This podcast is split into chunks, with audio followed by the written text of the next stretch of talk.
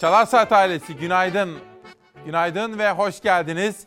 8 Şubat 2022 Salı sabahında İsmail Küçükkaya ile Mavi Bir Sabah'ta Hakikat Yolculuğuna hoş geldiniz.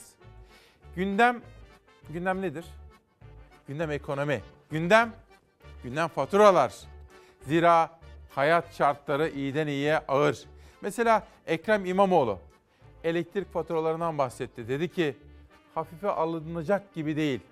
Bir şair, bir şair kadın Biran Keskin evine gelen doğalgaz faturasını paylaştı. 960 lira. Bunun sonu nereye gider diye soruyor şair kadın. Günaydın Türkiye. İsmail Küçükkaya Demokrasi Meydanı'nda faturalara ekonomiyi konuşacağız. Ve Isparta'ya gideceğiz. 2022 yılı Türkiye'sinde neler yaşandı? 4 gün nasıl olur da elektrik verilemez? Bu sorunun peşine takılacağız ve özelleştirme politikalarından bahsedeceğiz. Hukuk diyeceğiz, adalet diyeceğiz. Hak arama mücadelesi verenlerin yanında yer alacağız. Bunun dışında esnaf diyeceğiz. Bendevi palan döken hükümetten hangi beklentileri dile getirdi? Esnaf için diyeceğiz. İşsiz genç kardeşlerimin haberlerini de sizlere anlatacağım. O kadar çok haberler, manşetler var ki dün İstanbul Tabip Odası Başkanı Pınar Sayıp hocamız buradaydı. Bugün beyaz görevdeler, beyaz grevdeler.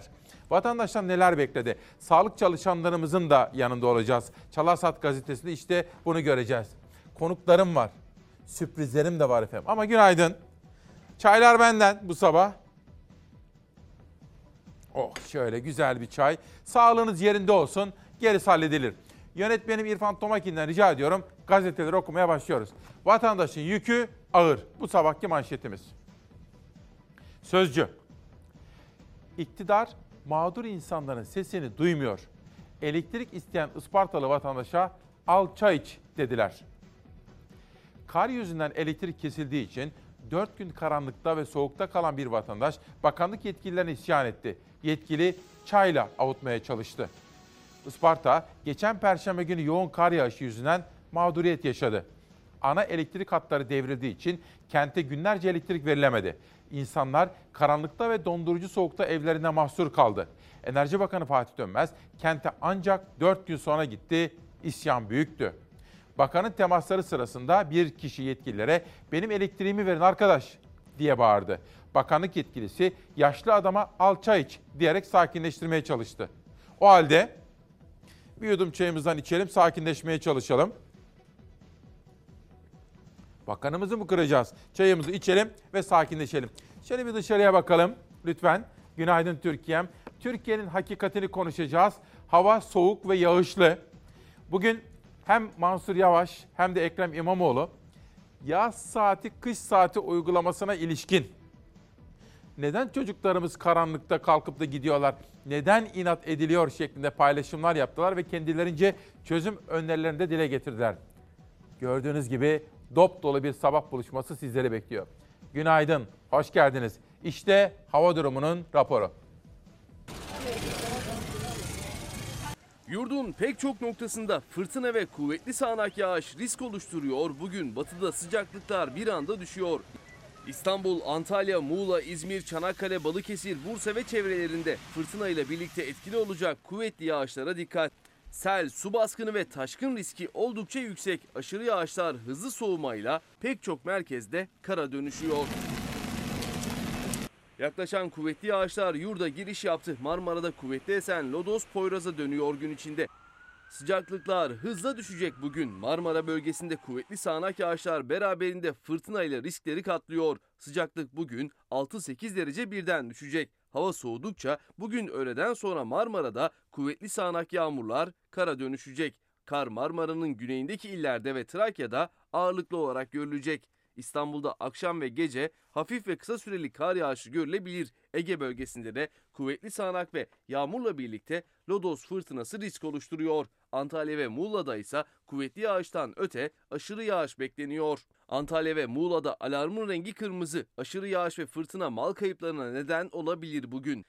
Yağışın etkili olduğu hemen her yerde saatteki hızı 70-80 kilometrelere kadar çıkacak fırtına kopma ve devrilmelere neden olabilir bugün. Ulaşımda hem fırtına hem de yağışlar nedeniyle aksaklık yaşanabilir. Gün içinde hızla düşecek sıcaklıklar Isparta, Burdur ve çevrelerinde yeniden kar yağışına neden olacak.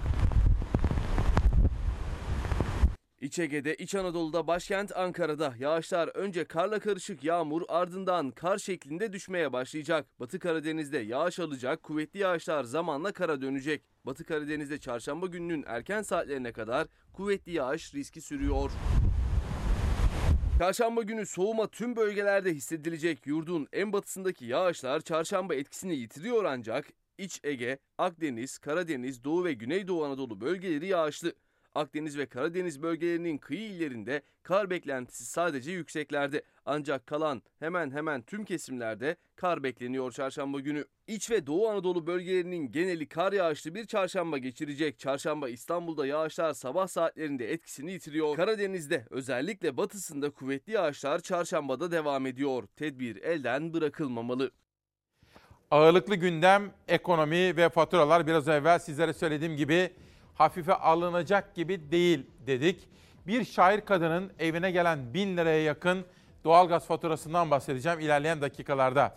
Sözcü hemen akabinde Isparta ile ilgili bir manşet için Pencere gazetesi geliyor. Dün Pınar Sayıp hocamızı ağırlamıştık burada. Hekimler isyan etmesinde kim etsin? Pandemi döneminde bunalan, Sağlık Bakanlığı'nın yoğun mesai baskısına maruz bırakılan, 5 dakikada bir yazılan randevular nedeniyle hastalarla karşı karşıya gelen, hemen her gün şiddet gören, aldıkları ücretler nedeniyle yoksullukla mücadele eden sağlık çalışanları sonunda isyan etti. Türk Tabipleri Birliği hekimlerin sorunlarına dikkat çekmek için bir gün iş bırakacak bugün. Diğer sağlık meslek örgütleri de hekimlere destek verecek. Yaşanan sorunlar nedeniyle son bir ayda 197 doktor çalışmak için yurt dışına gitti. Kaçmış efendim? Kaçmış? 197. Son bir ayda 197 doktor yurt dışına gitti. Şöyle düşünün. Ülkenin en parlak gençleri çalışıyorlar. İlk binlik dilime giriyorlar üniversite sınavında. En parlak gençler onlar. 6 yıl tıp okuyorlar. Sınavlara giriyorlar. TUS sınavını veriyorlar. Ve burada deneyim elde ediyorlar asistanlık olarak. Tam da ülkesine, halkına hizmet edecekler. Yurt dışına gitmek zorunda kalıyorlar. İşte bunu düşünmemiz gerekir. Günaydın Türkiye'm. Yeni bir sabaha daha zamla uyandık. Beklenen zammın haberi pazartesi günü geldi. 80 kuruşluk motorin zammı bu gece yarısından itibaren pompaya yansıdı. Sırayı görüyorsunuz. Vatandaş varlık kuyruğunda şu an. Zam sonrası motorinin güncel litre fiyatı 16 liraya dayandı. Motorin son bir ayda toplam 3 lira 87 kuruş zamlandı. 80 kuruşluk zam pompaya yansımadan yakıt almak isteyenler istasyonlara koştu. Yaklaşık olarak dizel bir binek aracın deposu artık 850 liraya doluyor. Zamsız motorinde 55 litre deposu olan bir araçta ortalama 44 lira kar için sıra bekledi araç sahipleri. Şehirler arası otobüs firmaları da pek çok kente bugünden itibaren zamlı bile satacak. Firmalarda bir süredir akaryakıta üst üste gelen zamlardan şikayetçiydi. Üst üste zamlar gelişin akaryakıta mecburi biz de otobüs sektörü olarak da biz de zam yapmak mecburiyetinde kaldık. Sadece akaryakıt değil tüm kalemlere gelen zamlardan zorlandıklarını söylüyor firma sahipleri. Akaryakıt zammı var, işte otomat zammı var, oto, oto, otoyolların şey, o, otogarların giriş çıkış zammı var. Yani maliyetler her yerden yükseldi. Sadece akaryakıtla ilgili değil. Vatandaş fiyatlardan şikayetçi, otogarlar boş diyor işletmeci. Vatandaş çok şikayetçi yani fiyatların hepsi çok artış var fiyatların hepsinde. Ama otomatik olarak da şimdi mazot da pahalandı. Yani 14'ten 15.90'ı buldu. Şimdi e, Ankara fiyatı 70 iken 140 lira oldu. Yani %100 zam geldi. İnsanlar artık otobüsleri tercih etmiyorlar. Çünkü uçaklar bile şu an bizden daha ucuz gidiyor. Otogarın halini görüyorsunuz bomboş. Otobüs girmiyor. Tek tük arabalar giriyor. Anca bir mesela asker sevkiyatları veya işte öğrencilerin tatil günleri, sömestr. Yani bu zamanlarda anca iş yapabiliyoruz. Kamyoncu esnafı da akaryakıt zamlarında ses yükseltti. taşımış olduğumuz nakliye sektörü halen 5 yıl önceki nakliye sektörü kiralar olarak ama Akaryakıt ve giderlere baktığın zaman bunun 10 katı, 20 katı, 30 katı oldu. Neden sesimize birileri ses olmuyor da? Biz hep devletimizin, hükümetimizin yanında olduysak eğer şayet şu günde de devletimizin bizim yanımızda olması lazım. 07 02 2022 ve 11 02 2022 tarihler arasında 5 günlük kontak kapamamız var. Sonuç alındığı takdirde, muhataba alındığı takdirde kontak kapama elimimizi durduracağız. Akaryakıt fiyatları adeta uçuşta. Uçuşta. Bir manşet sonra geçelim sonraki gazeteye. Bakalım ne geliyor pencereden. Tam çiftlik. AK Parti'nin yönetimde olduğu dönemde İstanbul Belediyesi'nde çalışıyor gibi gösterilip yurt dışı eğitim burslarından faydalanan 34 kişiye toplam 61 milyon 499 bin 893 lira para verildiği tespit edildi. Bu kişiler arasında AK Parti İstanbul Kadın Kolları Başkanı Rabia Kalender İlhan da var. AK Parti'nin internet sitesine göre İlhan 2005-2015 yılları arasında yurt dışındaydı. Oysa İlhan'ın 2007 yılında Kiptaş'ta işe başladığı, 2008 yılında İstanbul Büyükşehir Belediyesi bursuyla yurt dışına gittiği biliniyor. Pencere gazetesinden manşet. Ekrem İmamoğlu yönetimi bu konuyu da teftiş konusu haline getirdi efendim inceleniyor şu anda. Ve pencereden Sabah gazetesine geçelim. Terör örgütü FETÖ ile ilgili bir manşet. Dün de sizlere anlatmıştım. FETÖ'nün en büyük ihanetlerinden bir tanesi MİT'e yönelik bir kumpastı ki bugün manşet. Abdurrahman Şimşek'in haberi. Dün tam da 7 Şubat'ta yıl dönümüydü biliyorsunuz. Necip Hablemitoğlu suikastı 20 yıl sonra aydınlanıyor. FETÖ'nün iki numarası Firari Mustafa Özcan'ın tepesinde olduğu suikast piramidindeki isimleri ilk kez açıklıyormuş gazete. İşte burada isimler var Mustafa Özcan, Enver Altaylı, Nizamettin Avşar, Nuri Gökhan Bozkır, Mehmet Narin, Aydın Köstem, İrfan Birkan ve Birol Ercan'dan oluşan bir grafik birinci sayfada yer almış durumda. Bir sonraki gazeteye geçiyoruz. Hürriyet. Nafakaya ilişkin bir düzenleme Adalet Bakanı'nın masasındaymış. Bugün aynı haber hem Hürriyet'te hem de Türkiye Gazetesi'nde birinci sayfa manşeti olarak yer alıyor. Size sağlıkla ilgili haberi sunduktan hemen sonra nafaka konusundaki düzenlemeden ipuçlarını gazetelerden aktaracağız. Ve şu an için sağ olun. Doktorlarımızın öngörüsü de inşallah birkaç gün içerisinde negatife döneceği yönünde.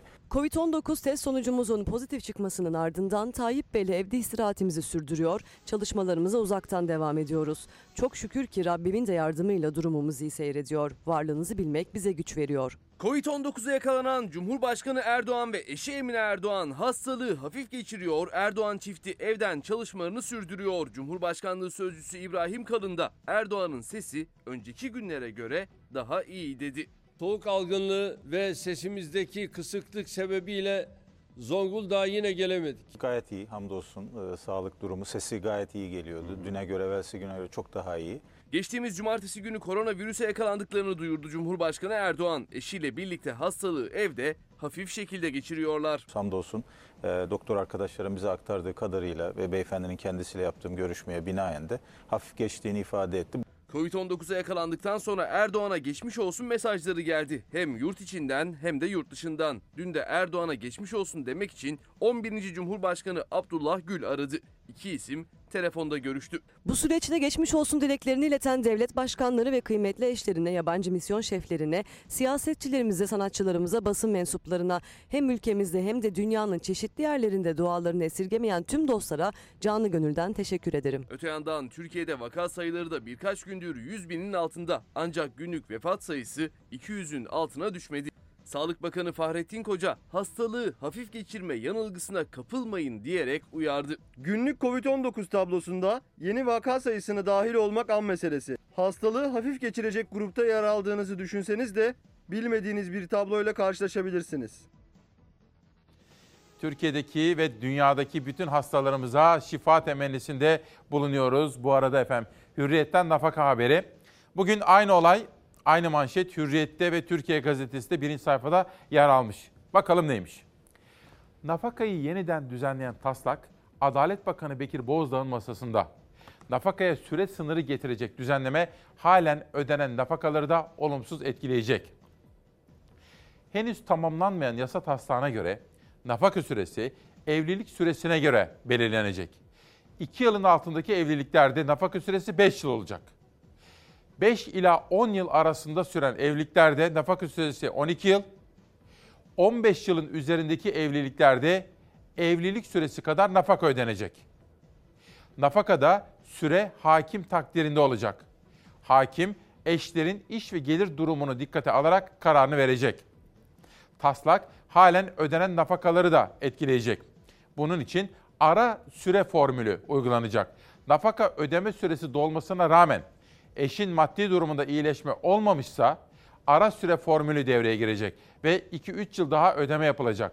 Bu sürenin sonunda eşin nafaka alma ihtiyacı devam ediyorsa Aile Bakanlığı belirli bir maaş bağlayacak diyor Bekir Bozdağ'ın masasında olduğu belirtilen nafaka düzenlemesi.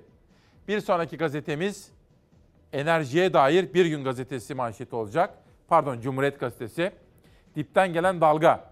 Faturalar, gıda fiyatları ve yüksek kiralar daha çok çalışanı sokağa dökecek gibi. Aralarında atanamayan öğretmenler, subaylıktan istifa eden üniversite mezunları, doktorlar olan yemek sepeti kuryeleri dün de şirketin İstanbul Levent'teki merkezi önünde eylem yaptı. Eylemcilerden Uzay Kunt, tek kişi bile kalsam haklarımı almadan bu kapıdan ayrılmayacağım dedi. Son zamanlarda işçiler örgütlenerek hak arama mücadelesini artırıyorlar efendim. Yıl 2022. Şubat ayındayız. Türkiye'nin güzel ve büyük kentlerinden bir tanesi. Akdeniz'de Isparta. Yıl 2022. Kocaman kentte 4 gün elektrik yoktu. Yani 2022 yılında şu şekilde ısınmaya çalışıyoruz. Ben anlayışınız için, sabrınız için de teşekkür ediyorum. Hakkınızı helal edin. Birkaç gün enerjisiz kaldınız. Enerji Bakanı enerji verdik dedi ama Isparta'dan mağduriyet sesleri gelmeye devam etti. Ispartalı muhalefet afet bölgesi ilan edilsin çağrısı yaptı. Bakanın açıklamasından sonra hala elektrik verilmemiş köyleri saydı. Eğirdir'in Sorkuncak köyünde merkezde bir takım mahallelerde, Yaşın arkasından Fatih Mahallesi'ne kadar giden yerde, e, yine e, Kulünü Merkez Mahallesi'nde, gelen dostun bazı e, bölgelerinde hala elektrik yok. Hani elektrik verildi denmesine rağmen hala verilmedi. O günden bu yana elektriklerimiz kesik. Yollarımızı iyi kötü kendi çabamızla açtık biz yollarımızı. 70 saatin sonunda 9 kez aranmayla sitede komşuma gelen, ısınması için gelen Bu küçük tüp değil mi? Evet. Bu Yani Pik- şöyle hani resmi piknik şey- soba.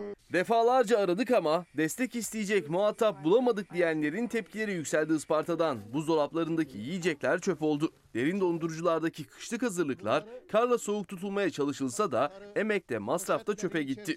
Elektrik kesintisinden nasibini alan Burdur'un Ağlasun ilçesinde hem kanser hem koronavirüs tedavisi gören Derya Çerçevik ve ailesi de karanlıktaydı. Karantinada oldukları için bir yakınlarına da gidemediler. Hasta, yaşlı ve bebeklerin olduğu evlerde mücadele daha çetindi. Geçen hafta ameliyat oldum. Ameliyatım ağır geçti. Üstüne üstlük hastanede Covid olduk. Şu anda hasta yatıyoruz. Dört gündür elektriklerimiz yok. Mum ışığında duruyoruz. Perşembe günü kar yağdı. Kar yağdığından beri yetkili kimse gelmedi. Elektriklerimiz yok.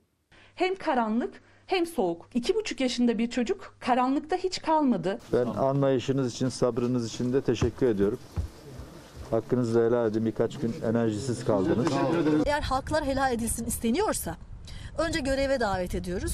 Gerek Isparta'da yaşayan vatandaşlarımız gerek Türkiye e, bütün bu hadiseyi sahiplenmiştir. Hastaların, yaşlıların e, yaşadığı problemleri kim tazmin edecek? Bu ne zaman çözülecek? Burası afet bölgesi ilan edilmeli. Bunun için soru önergesi verince ertesi gün bir baktık Sayın Bakan e, Isparta'ya geldi. İyi Partili vekiller araştırma önergesi sunacak meclise. Isparta'nın afet bölgesi ilan edilmesini talep ediyorlar. Cesur'un çağrısı vatandaşın zararı tazmin edilirken şirketlerle vatandaş arasında devletin köprü olması. Yalnızca doğalgazla ısınabiliyorum. Ekstradan bir sobam yok. Ee, içerisine odun kömür koyabileceğim hiçbir şartlarım yok. Elektriğin kesildiği ilk gece ocakta su kaynatarak ısınmaya çalışan Sevinç Özdemir Saraç ise günlerce kimseye ulaşamamaktan, destek görememekten şikayet etti. Artık en son çare ocağın üzerine dört tane tencereyi koyduk. O e, çamurlu sularımızı musluktan almak zorunda kaldık. Barınma desteği istiyoruz, ısınma desteği istiyoruz. 70 saatin sonunda gelen piknik sobayı gösterdim size.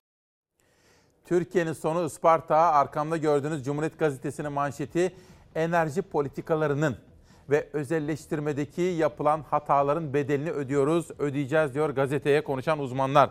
Leyla İnce, vatandaşın yükü ağır.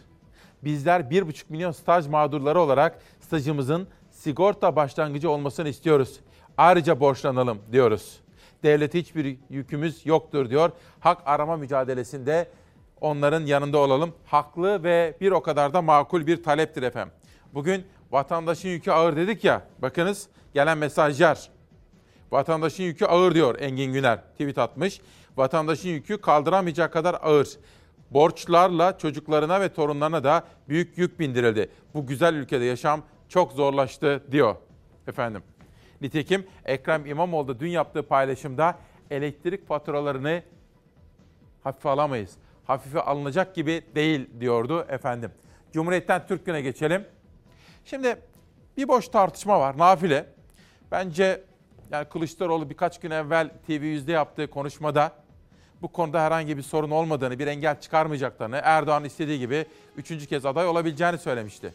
Yani muhalefet tarafından böylesine bir açıklama net olarak gelmesine rağmen muhalefet cenahında böyle bir tartışma başladı. Nedendir, arkasında ne var bilmiyorum. Milli Gazete Devlet Bahçeli ne yapmak istemektedir diye bir manşet atmış kocaman. Bilemiyorum. Tam olarak anlayabildiğimi düşünmüyorum. Ama bugün yayından sonra MHP'deki kaynaklarımla da konuşacağım.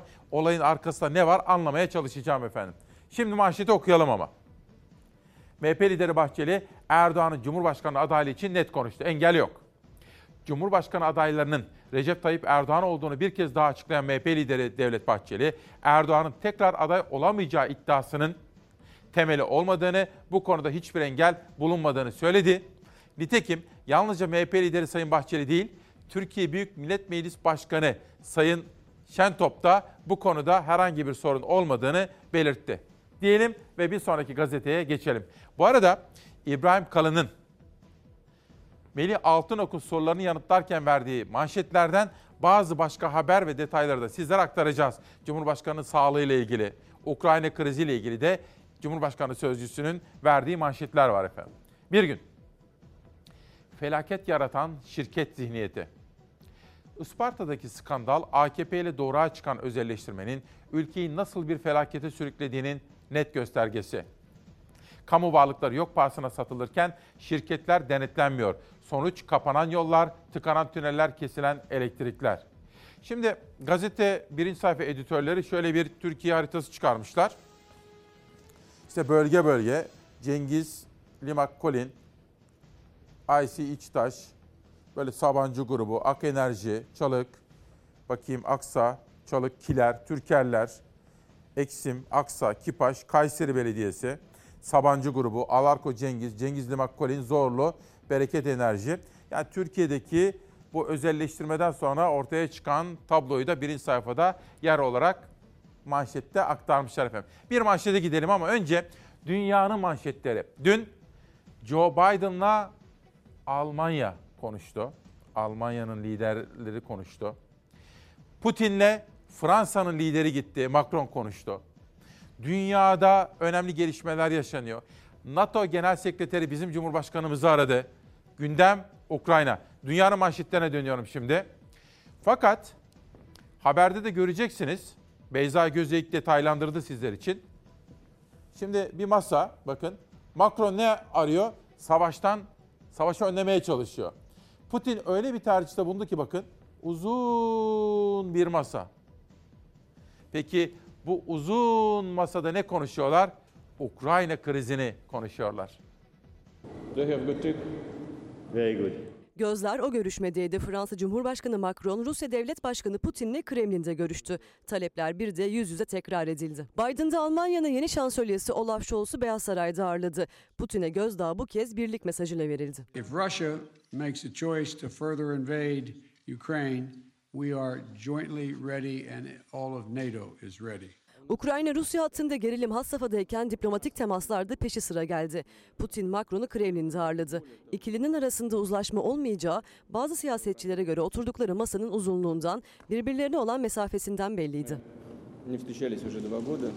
Macron Rusya ile anlaşmak, ortak hareket etmek istiyoruz dese de Putin Ukrayna'yı NATO müttefiki yapma fikrinden vazgeçin, silah yardımı yapmayın, Doğu Avrupa'daki NATO askerlerini de çekin dedi. Talepler bu kez yüz yüze iletildi. Amerika Birleşik Devletleri Başkanı Biden, Almanya'nın yeni şansölyesi Olaf Scholz'u Beyaz Saray'da ağırladı. Görüşmenin ana gündem maddesi kaçınılmaz olarak Ukrayna ve Rusya krizi oldu. Şansölye Olaf Scholz, görüşme sonrası Rusya'nın Ukrayna'ya karşı saldırganlığıyla mücadele yöntemlerini konuştuklarını söyledi. Ukrayna'ya silah başta olmak üzere yardım yapmaya karşı mesafeli duran Almanya'nın NATO müttefikleriyle o kadar da ters düşmediği kanıtlanmış oldu. Başkan Biden da konuşmasında açık açık Putin'e gözdağı verdi. Almanya'nın da desteğini vurgulayarak işgal durumunda karşılık veririz biz hazırız dedi. If Russia makes a choice to further invade Ukraine, we are jointly ready and all of NATO is ready. Bizi çok yakından etkileyecek bir mesele. Bir kere doğal gazımızı Ruslardan alıyoruz. Nükleer santralimizi Ruslara yaptırıyoruz. Fakat Ukrayna ile çok yakın ilişkilerimiz var. İnsansız hava araçları, uçak motorları gibi temel konularda. Yani biz iki arada bir deredeyiz. Oradaki savaş çıkmasın da aman diyorum efendim. Şimdi bir soldan bir sağdan iki mesaj var. Bir soldan siyasetçi, bir sağdan siyasetçi iki mesajda mesajı okuyacağım. Bir tanesi Berhan Şimşek. Günaydın sevgili kardeşim, günaydın. Bir yıl önce vali ve kaymakamlarla ilgili bir sözüm olmuştu. Ka- vali ve kaymakamlar devletin valisi olmalı demiştim. Hakkımda dava açılmıştı. Bugün dava görülecek saat 11.45'te Kartal Adliyesi'nde diyor Berhan Şimşek. Bir de sağa bakalım. Günaydın İsmail Bey kardeşim. Lafım, sözüm iktidar sahiplerinedir. Bu da Gürcan Dağdaş'tan. Elektrik, doğalgaz, akaryakıt faturalarını yeteri kadar ciddiye almadığınızı görüyorum. Bu faturaların memleketin sokaklarını enfekte edebileceğini, huzurumuzu bozabileceğini, güvenliği sarsacağını görmeyecek kadar kör müsünüz? Faturalar son derece ciddi bir mesele haline geldi. Ama şunu da söyleyelim. Cumhurbaşkanlığı Sözcüsü İbrahim Kalın dün akşam Melih Altınok'un sorularını yanıtlarken elektrik faturaları konusunda Cumhurbaşkanı Erdoğan'ın bir talimat verdiğini, yeni bir düzenlemenin yapılacağını söyledi. Yani faturaları azaltma konusunda bir düzenleme yoldaymış. Çünkü öbür türlü taşıyamayız efendim. İki katına çıktı, üç katına çıktı faturalar. Bir günden aydınlığa geçelim. Bir günle beraber yani hemen hemen aynı manşet atmışlar. Çok ilginç bir şekilde. Özelleştirme Isparta'yı felç etti. Kar değil, kar vurdu. Elektrik dağıtımı kamudan Akdeniz Elektriğe geçince sıkıntılar başladı. Çalışan sayısı 200'den 60'a indi. Nitelikli kadrolar çıkarıldı. Kar getirdiği için turizm bölgelerine yatırım yapıldı ama Isparta es geçildi. Nihayetinde özelleştirme Isparta'yı dondurdu. Halk 4 gün elektriksiz kaldı. Şimdi bakın biraz evvel bir günden okumuştum. Hani bir gün daha muhalif tavırlarıyla biliniyor. Ama Aydınlık grubunun hükümeti desteklediği de ortada. Fakat belli temel konularda üretim gibi, çiftçi gibi veya işte özelleştirme politikaları gibi konularda da hükümeti eleştirmekten geri durmuyorlar. Bu da çarpıcı bir manşetti. Dün İstanbul'da, Üsküdar'da yüreklerimiz ağzımıza geldi. Yukarısı yıkılacak teyze. Burası gidiyor. Dört katlı binanın en üst katında doğalgaz patlaması meydana geldi. Biri ağır dört kişinin yaralandığı patlama o kadar şiddetliydi ki tüm bina hasar aldı. Binada iş makineleriyle yıkım işlemleri başladı. Üsküdar'da Valide Atik Mahallesi Abacıdere sokakta meydana gelen patlama büyük panik yarattı. Güvenlik kameraları patlamanın şiddetini, çevredeki vatandaşların yaşadığı korkuyu gözler önüne serdi. Olay yerine çok sayıda itfaiye ve ambulans ekibi sevk edildi. Ekipler yaralı vatandaşları patlamanın olduğu daireden kurtardı. Ambulans hastaneye kaldırılan yaralılardan birinin durumu ağır. İstanbul Valisi Ali Yerlikaya patlamanın yaşandığı bölgeye geldi. Her daire sahibine 50'şer bin lira ve kira yardımı yapılacağını duyurdu. Evlerini eski haline getireceğiz dedi. Devlet olarak, valilik olarak, kaymakamlığımız, ilçe belediye başkanımız, Kızılay'ımız, AFAD'ımız hep birlikte yaraları sarmak, vatandaşlarımızın evlerini, hanelerini eski haline getirmek için bir aradayız. 42 kişinin yaşadığı bina patlamayla birlikte harabeye döndü. Patlama sonrası hem havadan hem de içeriden çekilen görüntüler hasarın boyutlarını gözler önüne serdi. Apartman bu ya darmadağın olmuş.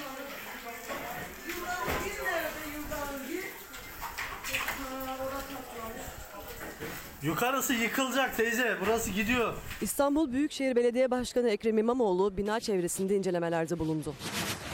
Ekipler binada yıkım işlemlerini başlattı. Şimdi sizlerden gelen mesajlar var. Şöyle bir mesajları okuyalım. Sizlerin yorumları benim için önemli. Çünkü burası demokrasi meydanı öyle değil mi efendim? Kadir Arabacı, sevgili İsmail hastanelerde rezillik çekiyoruz. İnanır mısın protez kalça yok. 8 aydır tedavi bekliyoruz. Lütfen dile getirin diyor bakın. Türkiye Cumhuriyeti'nin bir yurttaşı. Yılmaz Tosun, abi günaydın. İmamoğlu'na balık yedi diye neler neler yapanlar Isparta Belediyesi CHP'li olsaydı ne yaparlardı düşünmek bile istemiyorum. İyi ki Isparta'yı kazanamamış CHP. Bu denli sevineceğim aklıma gelmez diyor. Çok ilginç bir mesaj aslında. Ne diyorsunuz? Hani İstanbul'la Isparta arasında iktidarın söylem ve politikalarında bir farklılık gördünüz mü? İstanbul'a kar yağdı ne oldu? Ne olmuştu mesela söyler misiniz? Cumhurbaşkanımız talimat verdi. İki bakan, İçişleri ve Ulaştırma Bakanı uçağa atladılar ve İstanbul'a doğru geldiler. Fakat böyle yaklaştı uçak. Yeni havalimanına inemediler. Ne yaptılar peki? Hatırlayın. Atatürk Havalimanı'na indiler. İstanbul'a. Keşke Isparta'da da bir tane böyle inecekleri alternatif Atatürk Havalimanı olsaydı. iki bakanımız gitseydi demediniz mi efendim içinizden? Aydınlıktan analize geçelim. İlerleyen dakikalarda bunun haberini sizlerle paylaşacağım. Çünkü önemsediğim bir konu olduğunu biliyorsunuz. İki kere burada da ağırladığım için önem verdiğim bir proje olduğunu biliyorsunuz efendim. Bitmiş yarışlara değil, geleceğin trendi olan teknoloji konularına odaklanılması gerekiyor. Havacılıkta geleceği inşa ediyoruz. Baykar Teknoloji Lideri Selçuk Bayraktar, artık bitmiş yarışlara değil, geleceğin trendi olan teknoloji konularına odaklanmamız bir zorunluluktur. Havacılıkta geleceği inşa ediyoruz dedi. Bayraktar, Türkiye dışındaki ilk Teknofest'i Azerbaycan'da gerçekleştirdiklerini söyledi. Şimdi dün Azerbaycan'daydı. Oradaki törenlerde yaptığı açıklamalardan bahsedeceğim ilerleyen dakikalarda. Bunu neden önemsiyorum?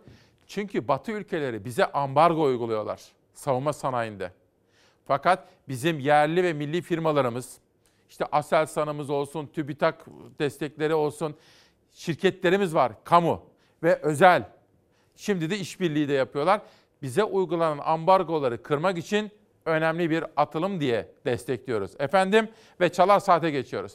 Dün İsmail Küçükkaya Demokrasi Meydanı'nda İstanbul Tabip Odası Başkanı Profesör Doktor Pınar Sayıp hocamız buradaydı. Ve bugün bir eylem.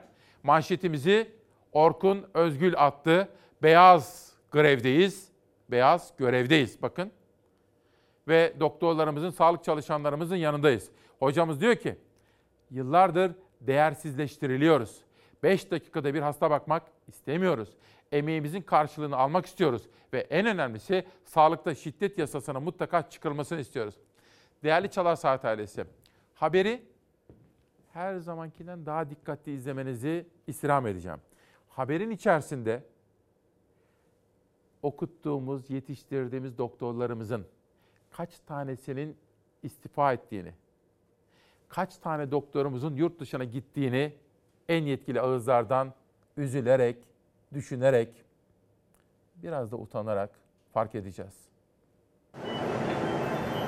Bu Ocak ayında güya yasa çıktı. Bütün partilerin desteğiyle çıktı ve bir iyileştirme yapılacaktı. Ama bunu geri çektiler ve bir daha da gündeme gelmedi. Hekimlerin yetersiz olduğunu söylediği, diğer sağlık çalışanları için de yapılmasını istediği iyileştirme müjdesi açıklamasız, nedensiz kaldırıldı. Yenisi de getirilmedi. Sağlık çalışanlarının kaybıysa her geçen gün artıyor. Sayıları günden güne azalıyor. Bir kez daha seslerini duyurabilmek için hekimler ve sağlık çalışanları 8 Şubat'ta hastanelerde değil, sokaklarda beyaz grevde olacak. Yarın e, sağlık e, alanlarında hizmet verilmeyecek. Bu yüzden de halkımızdan özellikle destek bekliyoruz. İstanbul Tabip Odası Başkanı Profesör Doktor Pınar Sayıp Çalar Saat'te İsmail Küçükkaya'nın konuğuydu. Sağlıkçıların yaşadığı zorlukları anlattı. Hem çalışanların hem de emekli sağlıkçıların haklarının yeterli olmadığının altını çizerek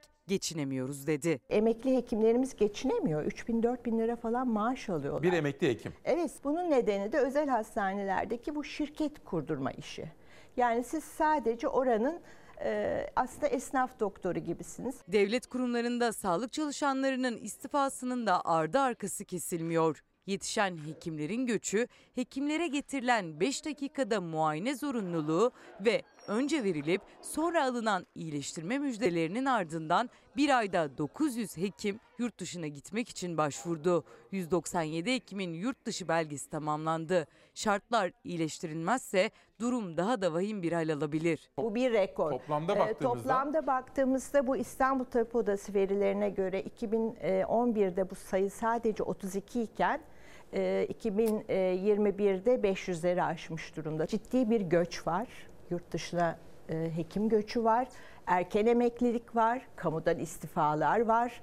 E, Son 20 ayda 9 bin hekim kamudan istifa etti. Enfeksiyon Hastalıkları Derneği Başkanı Profesör Doktor Mehmet Ceyhan da sağlıktaki tehlikenin boyutunu bir örnekle anlattı.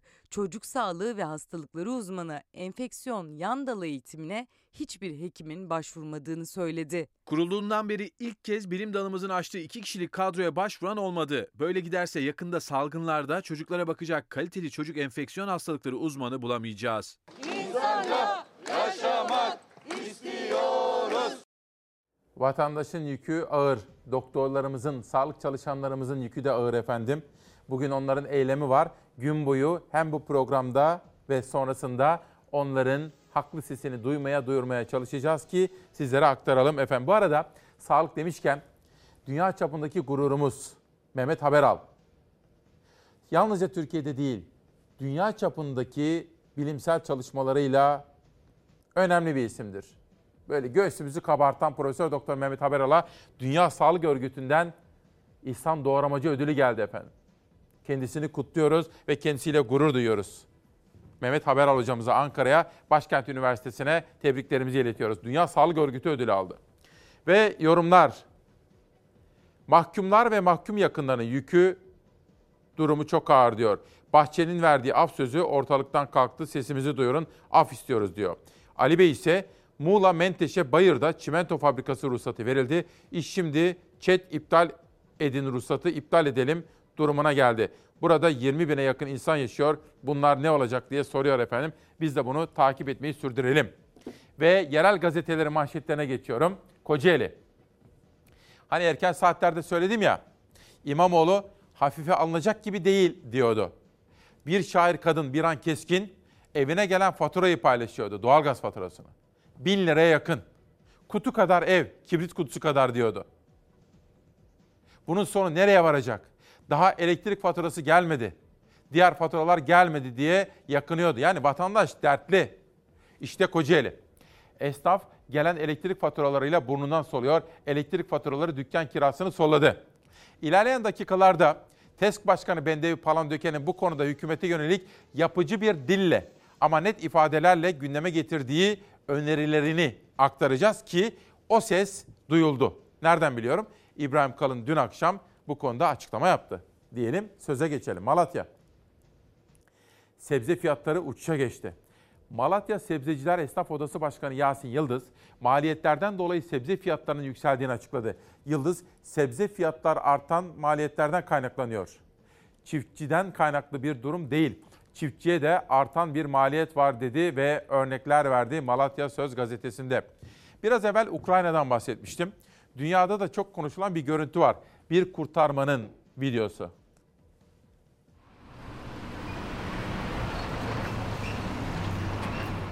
Polis öğrenciyi hızla gelen otomobilin önünden kurtardı, kahraman ilan edildi. Annette Goodyear, Amerika Birleşik Devletleri'nin Maryland eyaletindeki bir ortaokul önünde görevliydi. Karşıya geçmek isteyen çocuğu fark etti, ona yaklaşan otomobile dur işareti yaptı. Çocuk yaya geçidinden geçerken polis aracın duramayacağını fark etti. Son anda çocuğu kenara çekti. Otomobil polise çarptı. Yaralanan polis hastaneye kaldırıldı. Sağlık durumunun iyi olduğu açıklandı. Belediye ve emniyet yetkilileri kahraman ilan edilen polisin ödüllendirileceğini duyurdu. Peki bugün ne konuşuyoruz? Hepinizin gördüğü gibi vatandaşın yükü. Faturalar bir numaralı gündem maddemiz. Bunun esnafa, işçiye, işsize, emekliye yansıması. Bunun dışında Isparta gündem maddelerinden birisi. Isparta'daki yaşananları sorgulamamız gerekiyor ki nerede hata yapıldı? Bunlara bakacağız. Doktorlar eylemde. Takip ettiğimiz konulardan ilerleyen dakikalarda manşetlerini paylaşacağımız önemli manşetlerden birisi. Omikron. Bu konuyu Türkiye'den ve dünyadan mesela Avustralya'dan örneklerle detaylandıracağız.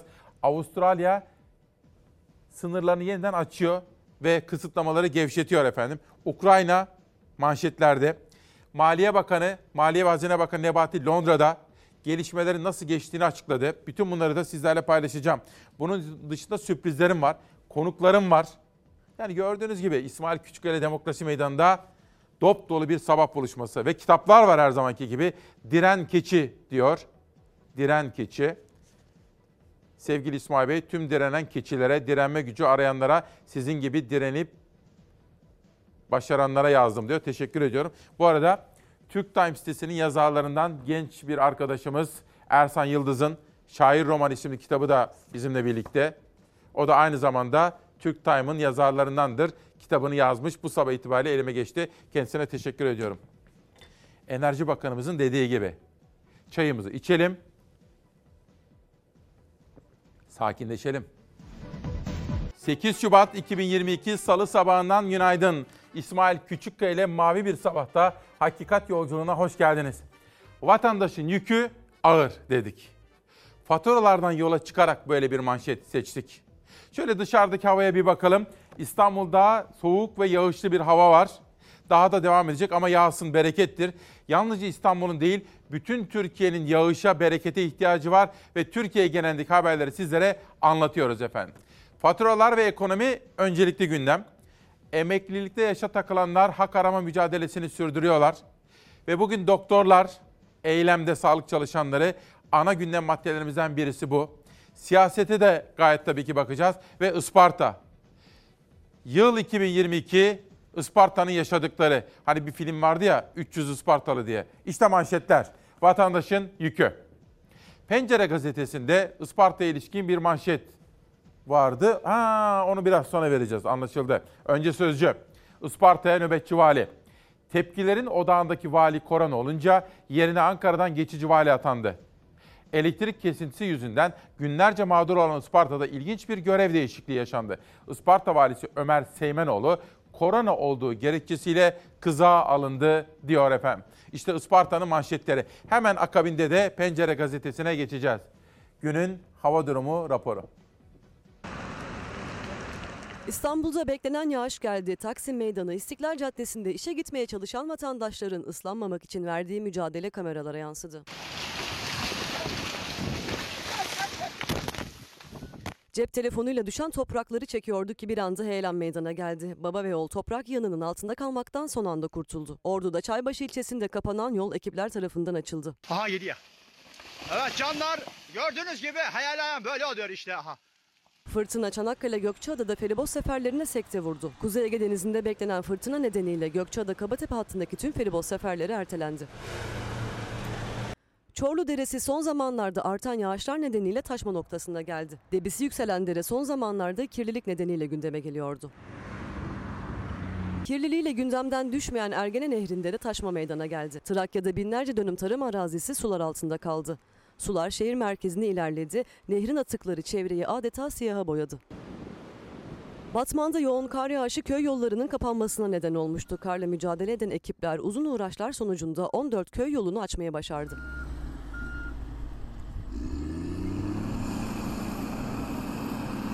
Siirt'in Pervari ilçesinde kapanan köy yolları sağlık krizini de beraberinde getiriyor. Bulunduğu köy yolu ulaşıma kapanan iki hastaya ulaşmak kolay olmadı. Biri hamile, biri kalp hastası iki kişi hastaneye ulaştırıldı. İç ve Doğu Anadolu bölgelerinin geneli kar yağışlı bir çarşamba geçirecek. Yurdun en batısındaki yağışlar çarşamba etkisini yitiriyor ancak İç Ege, Akdeniz, Karadeniz, Doğu ve Güneydoğu Anadolu bölgeleri yağışlı. Akdeniz ve Karadeniz bölgelerinin kıyı illerinde kar beklentisi sadece yükseklerde ancak kalan hemen hemen tüm kesimlerde kar bekleniyor çarşamba günü. Çarşamba İstanbul'da yağışlar sabah saatlerinde etkisini yitiriyor. Karadeniz'de özellikle en batısında kuvvetli yağışlar çarşambada devam ediyor. Tedbir elden bırakılmamalı. Faturalara yakından bakacağız şimdi ve Isparta'ya geçeceğiz sonra. Sözcüden pencereye geçelim. Tabii Isparta'da yaşananlar çok büyük mağduriyet. Ben de Isparta'daki tanıdıklarımı aradım. Neler oldu, neler yaşadınız, neden böyle oldu diye sordum. Ama onlar vatandaş görüşleriydi. İşte uzman görüşü.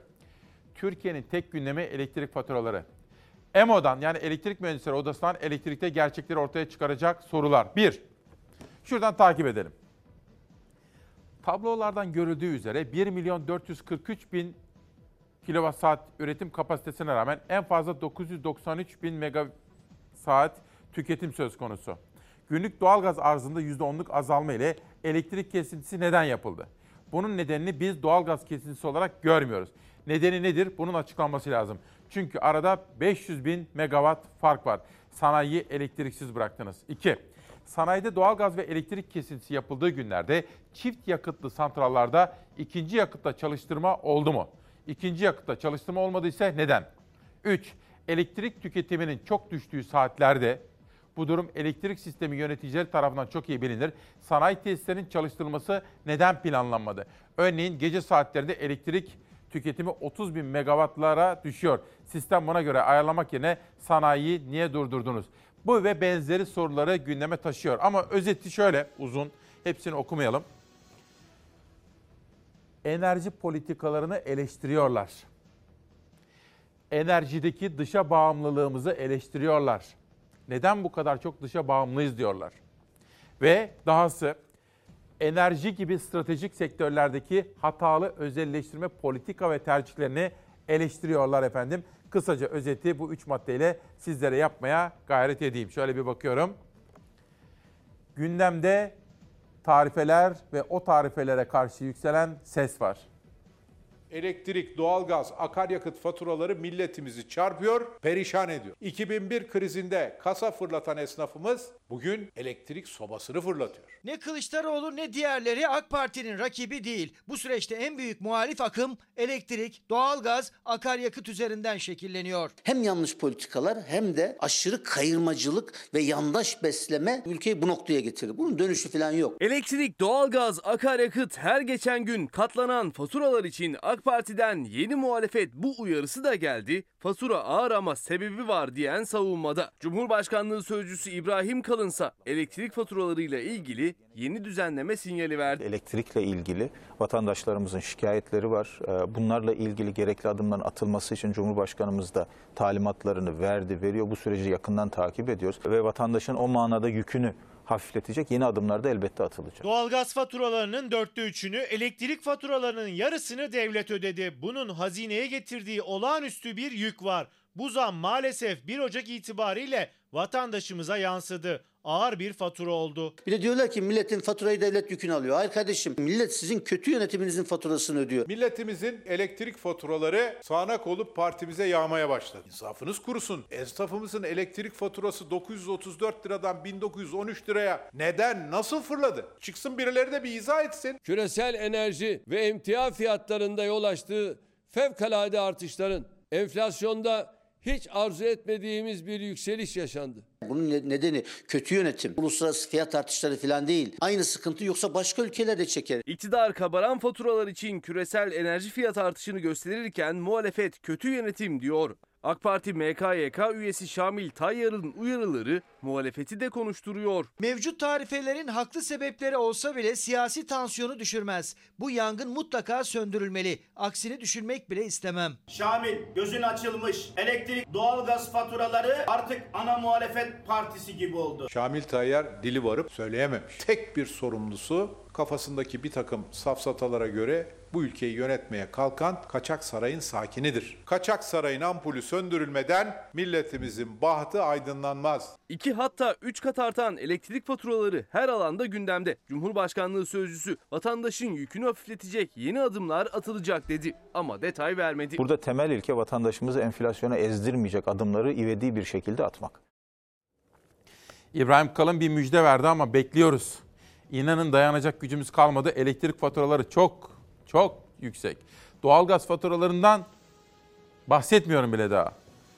Şebnem Hanım, günaydın diyor. Esnafım, ufak bir restoranım var. 3600 liranın üzerini görmeyen dükkan elektrik faturam 9200 lira geldi. Yani yaklaşık 3 kat oluyor değil mi? Vatandaşın yükü ne olacak böyle diye soruyor. Mehmet Bey ne diyormuş?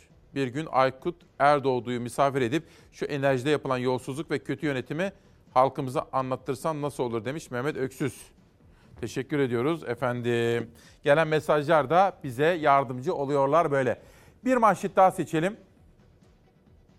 Elektrik faturası kepenk kapattırıyor. Dün TESK başkanını aradım. Bendevi Palandöken'i. İsmail Bey kardeşim dertliyiz dedi. Her gittiği yerde esnafın lideri Palandöken'e diyorlarmış ki başkanım diyorlarmış böyle elini tutup sen ki diyorlarmış Cumhurbaşkanımızı görebiliyorsun. Lütfen anlat. Ona başkaları anlatmıyorlar. Biz gerçekten dertliyiz. Vatandaşın yükü ağır. Esnafın yükü de ağır.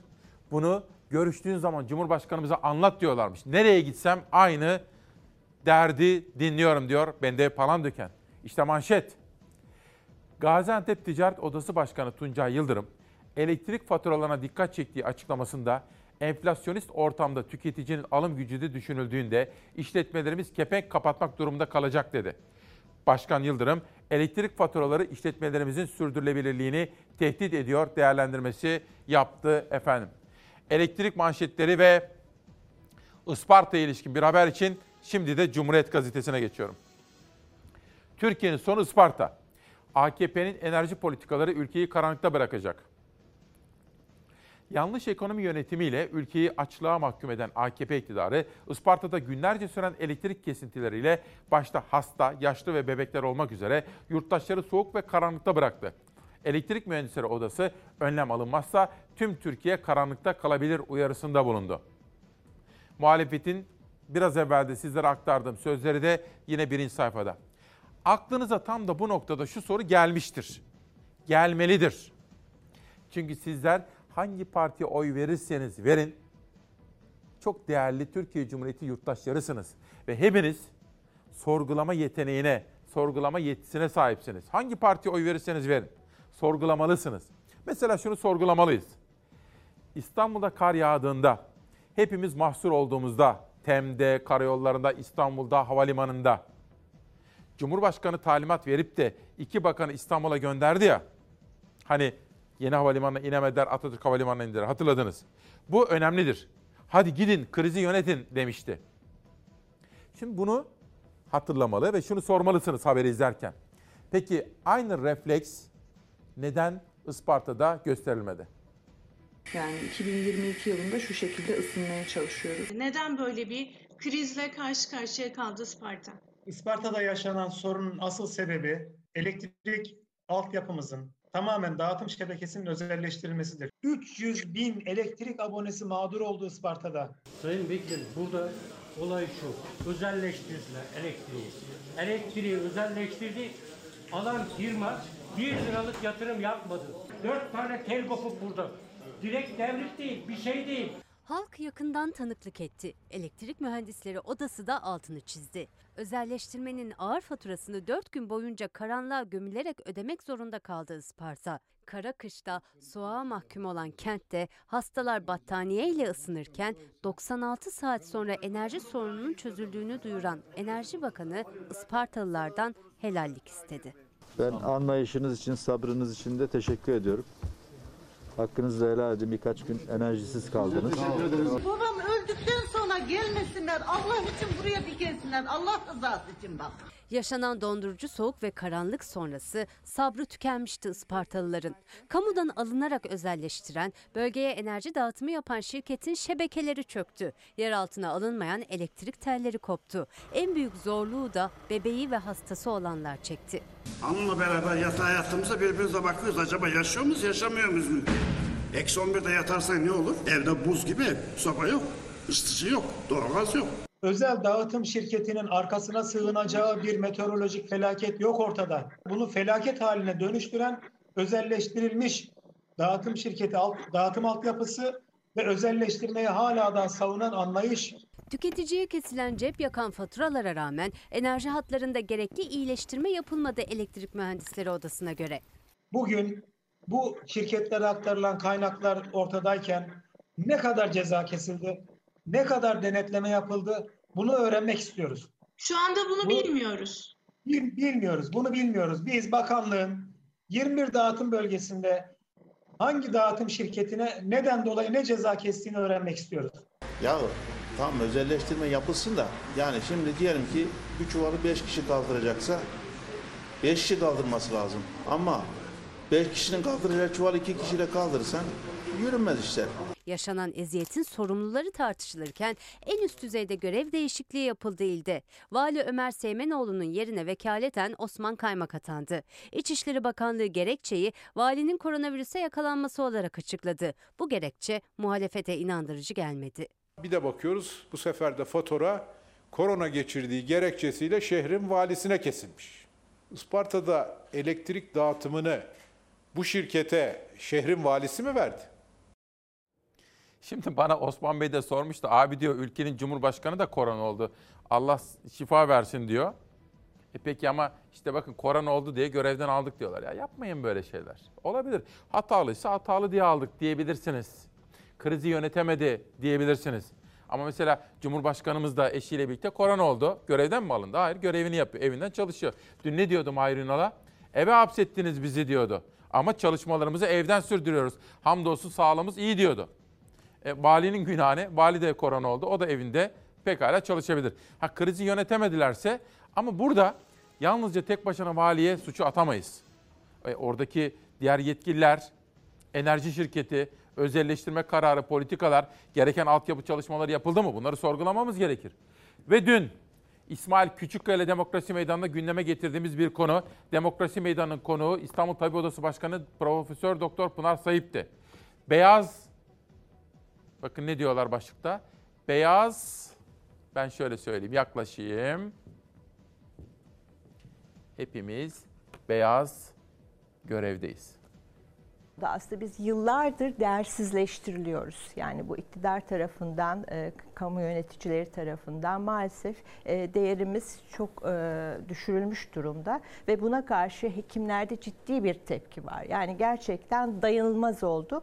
Bu erken emeklilik başladı. Yani biz de aslında 40 yaşımıza doğru biz az çok işimizde pişeriz ve verimli olmaya başlarız.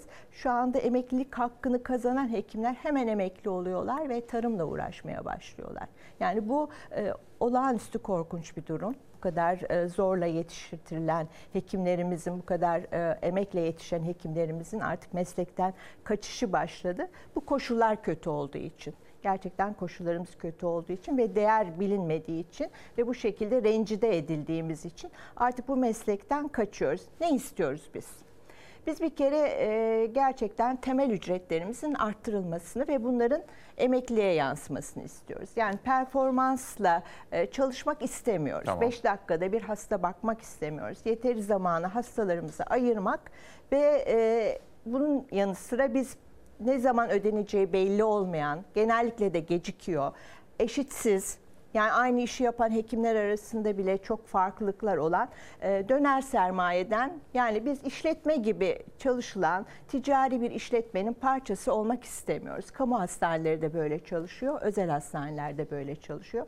Bize temel arttırılmış ücretlerimiz olsun. Tamam. Biz bununla insanca yaşayabilelim.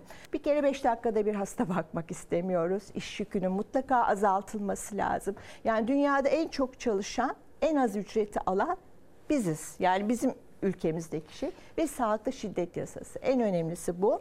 Ee, her gün sağlıkta yani uğramayan yok gibi sözlü veya direkt e, olarak bu sağlıkta şiddet yasasının mutlaka çıkmasını istiyoruz. Çok önemli bir konu. Takip ediyoruz efendim. Bakın bu arada Ümit Eraslan bana faturalarını göndermiş. Üzülüyor. Sevgili İsmail, üzülerek bu faturaları seninle paylaşmak durumundayım. Bir eve bu kadar fatura gelir mi diyor. Ülkeyi yönetenlerin tamamı, tamamına yakını lojmanlarda oturuyor.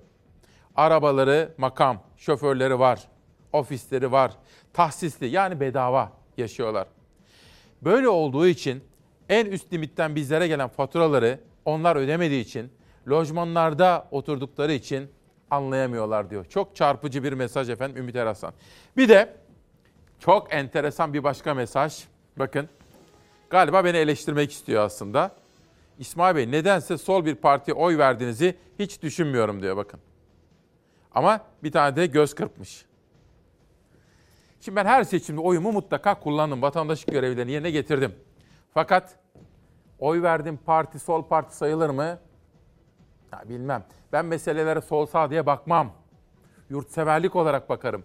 Küresel bir dil, evrensel ama yerel bir bakış açısıyla. Ben Atatürkçü partilere bakarım. Ben Atatürkçü mü değil mi diye oy veririm.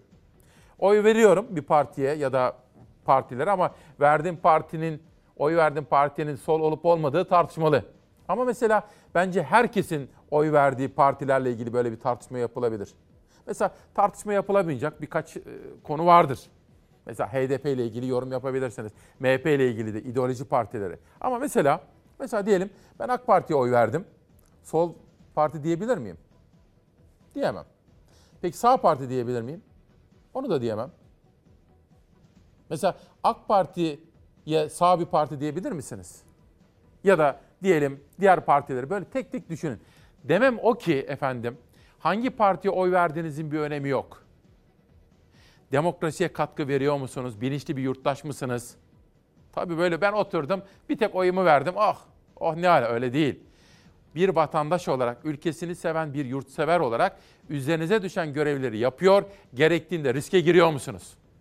Ben buna bakarım. Diyelim ve bir manşet. Mesela, mesela ülkenin taşını toprağını korumak için bir şeyler yapıyor musun? Dilin döndüğünce.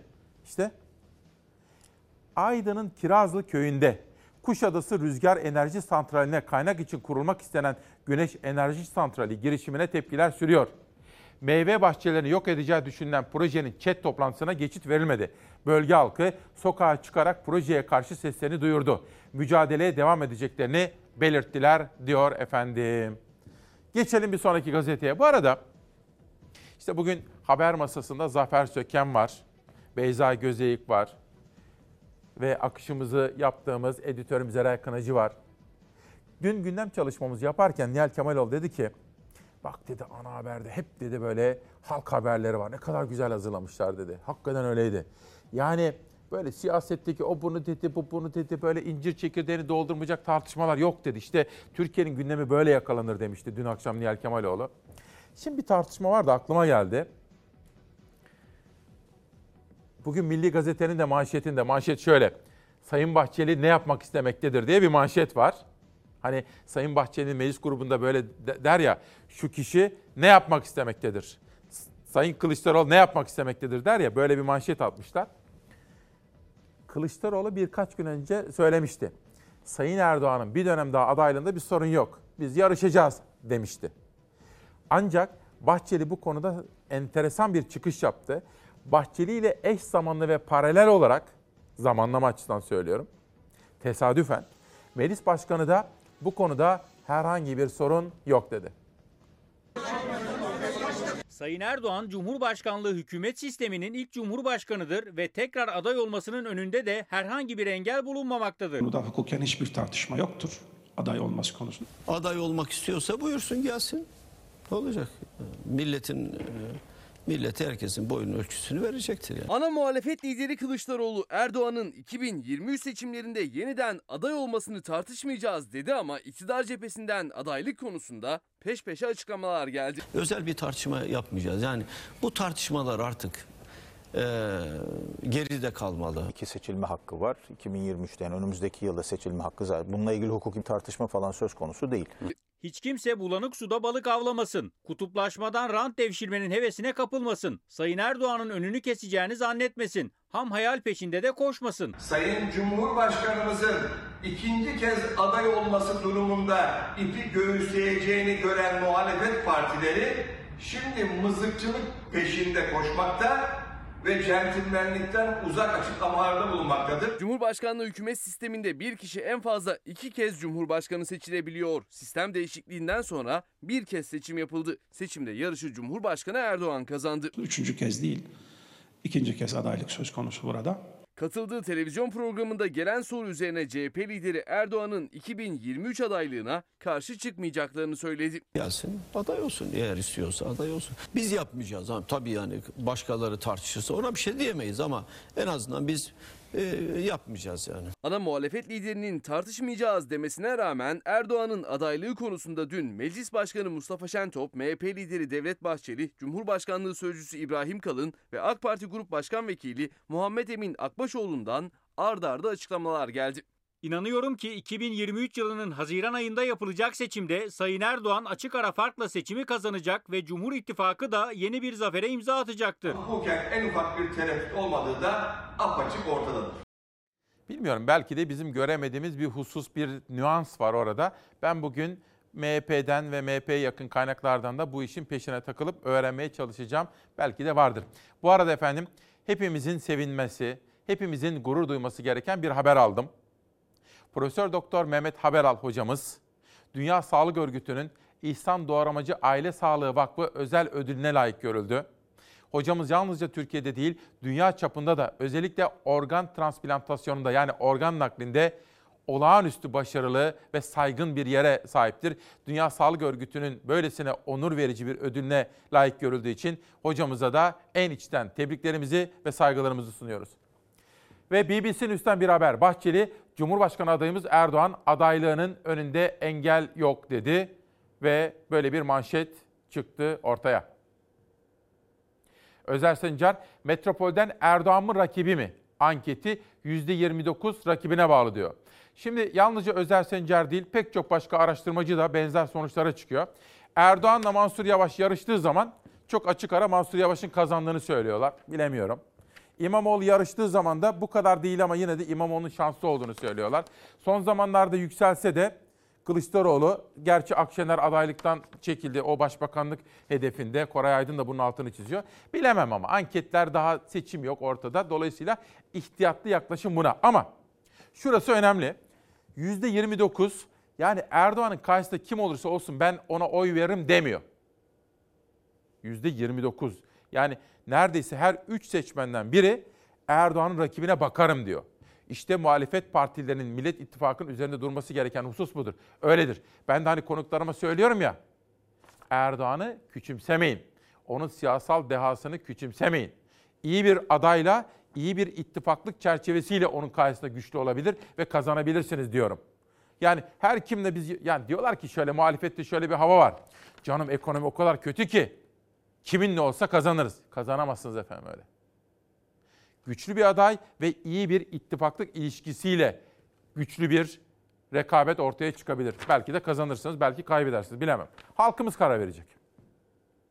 Dünya Gazetesi Isparta valisinin geçici olarak görevden alındığını okullarıyla paylaşıyor.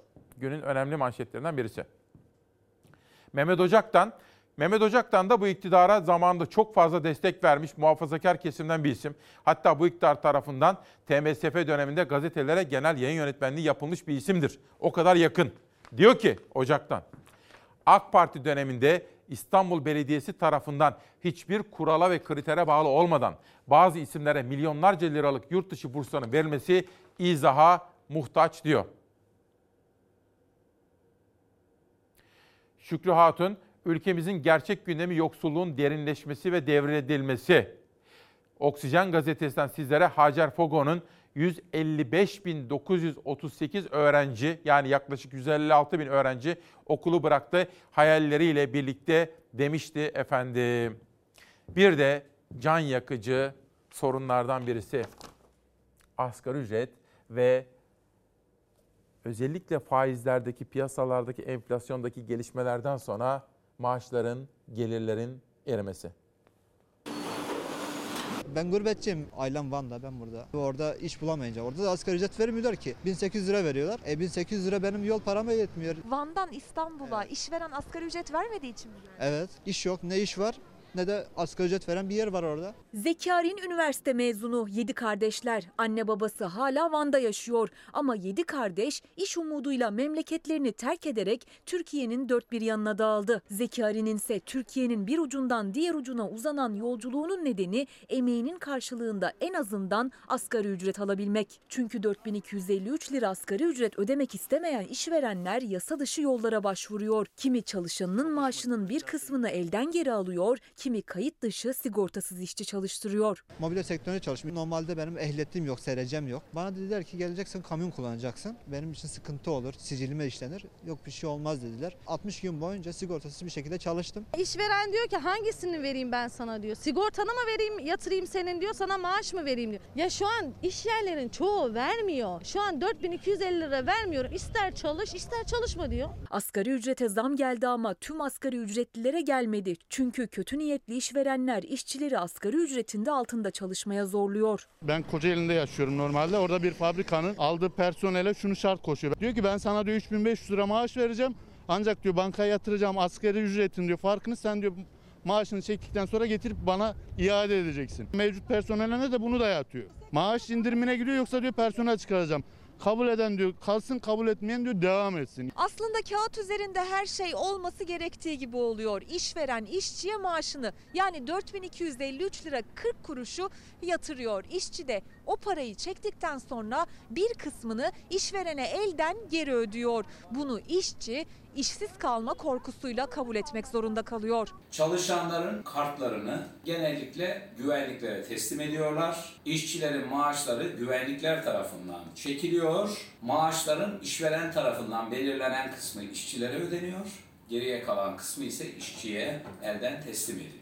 Asgari ücret artık bu zamanda yetmiyor. Her gün her şeye zam geliyor. Asıl mesleğim ben güvenlik. Torna üzerine çalışıyorum. Bıraktım. Kuryelik abineye bin lira fazla alayım diye hayatımı motor üstüne talim ediyorum. Elektriğim, suyum, faturamı ödeyeyim diye. Çünkü sadece kirayla faturaları bile ödedikten sonra asgari ücretlinin cebinde pek bir şey kalmıyor. Zaten Türk İş'e göre 4 kişilik bir ailenin sağlıklı, dengeli ve yeterli beslenebilmesi için yapması gereken aylık gıda harcaması yani açlık sınırı 4249 lira. Yani neredeyse maaşının tamamı daha eline geçmeden eridi maaş asgari ücretlinin. 3000 lira kira başlıyor. Bir tane bez olmuş 50 milyon. Asgari ücret olmuş 4250 lira. Hiçbir önemi yok. Şimdi Gökhan Bey de diyor ki beni eleştiriyor. Şimdi profilinde de böyle bir Cumhurbaşkanımızın fotoğrafı var. Diyor ki Allah kar vermiş, bereket vermiş diyor. Isparta konusunu bu kadar abartmanın anlamı ne? Manası ne demiş efendim. Valla güzel kardeşime teşekkür ediyorum ilgileri için. Fakat hiç abarttığımı düşünmüyorum. Şimdi kar yağmış, biz de bereket yağsın diye hep sürekli söylüyoruz, dua ediyoruz filan da. E ama o zaman doğuya, güneydoğuya ne kadar çok kar yağıyor? E ne oldu orada böyle sürekli elektrikler mi kesiliyor o zaman? Yani gereken projeler geliştirilsin, altyapılar yapılsın, gereken tedbirler alınsın. E madem öyle İstanbul'a kar yağdığı zaman da sorunlar yaşıyoruz. O zaman farklı neden söylemler geliştiriyoruz öyle değil mi? Yaz saati, kış saati uygulaması. Mansur Yavaş ve Ekrem İmamoğlu bu konuda ses yükselttiler efendim. Sabit saat uygulaması nedeniyle evlatlarımızın okula gidişleri de evlerine dönüşleri de ne yazık ki gece karanlığında geçiyor. Karanlıkta meydana gelebilecek kazalara karşı çocuklarımıza ücretsiz reflektörlü çanta çıkartması dağıtmaya başladı. Bakın bu inanılmaz bir olaydır günümüzde yaşadıklarımıza ilişkin. Ve bir sonraki Ankara'dan İstanbul'a geldiğim zaman Ekrem İmamoğlu'nun paylaşımı. Çocuklarımız okula karanlıkta gidiyor. İşçiler otobüslere karanlıkta biniyor. Daimi yaz saati uygulaması bizi güne karanlıkta başlatıyor. Güne, güne karanlıkta başlıyoruz ama elektrik faturaları 3 katına çıktı. Tuhaf ama gerçek. Ve gerçekten de bize de bütün bu yaşananlar tuhaf geliyor. Çocuklarımız okullara sabahları gün ağarmadan, akşamları da hava karardıktan sonra gidip geliyorlar. Sabit saat uygulaması nedeniyle evlatlarımızın okula gidişleri de evlerine dönüşleri de ne yazık ki gece karanlığında geçiyor. Çocuklarımız okula karanlıkta gidiyor.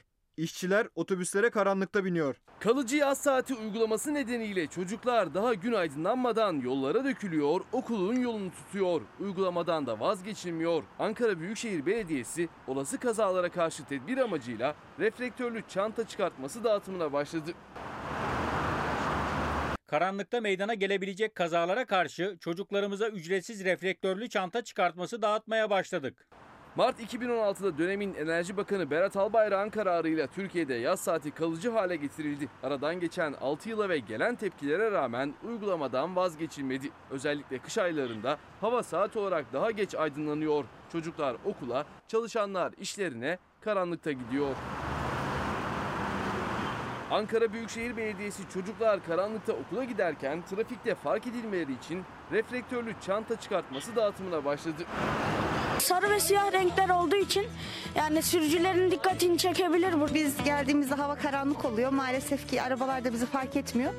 Çok iyi bir şey olduğunu düşünüyorum. Yaz saati uygulamasına bir tepki de İstanbul Büyükşehir Belediye Başkanı'ndan geldi. Ekrem İmamoğlu elektrik faturaları üzerinden eleştirdi uygulamayı. Daimi yaz saat uygulaması bizi güne karanlıkta başlatıyor ama elektrik faturaları 3 katına çıktı. Tuhaf ama gerçek.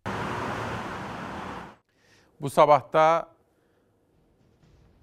sesçimiz, ses sihirbazımız Mitat, teknik yönetmenimiz Cansever abi bizimle birlikte. Emeği geçen her birine, her bir emekçiye teşekkür ediyorum. Ve bugün Cem Karaca'yı anacağız. O olağanüstü ses ve yorumuyla ve kişiliğiyle 8 Şubat'ta kaybetmiştik 2004'te. Onu bir sonraki kuşakta sizlerle paylaşacağım. Ve aynı zamanda yine olağanüstü bir ses ve yorum Müzeyyen Senar bakın. Onu da 8 Şubat 2015'te kaybettik. Unutmak mümkün değil, unutturmayacağız efendim. Ve Türkiye'm Osman Gezmek bize kitabını göndermiş sağ olsun. Yaz ve Yarat, Yaratıcı Yazarlık Deneyim Defteri. Çılgın Rengeyikleri Dükkanı yazan ve resimleyen Dilşat Deniz Kaya. Teşekkür ediyorum kendilerine. Muazzam bir konuda bir konuğum var. İlk defa burada izleyeceksiniz. Hepinizin geleceğini, İstanbul'u da çok yakından etkileyecek ve ilgilendirecek bir konu. Sürpriz bir konudur. Ama önce Müzeyyen Senar'ı olağanüstü yorumuyla selamlıyoruz. Benzemez kimse sana olayım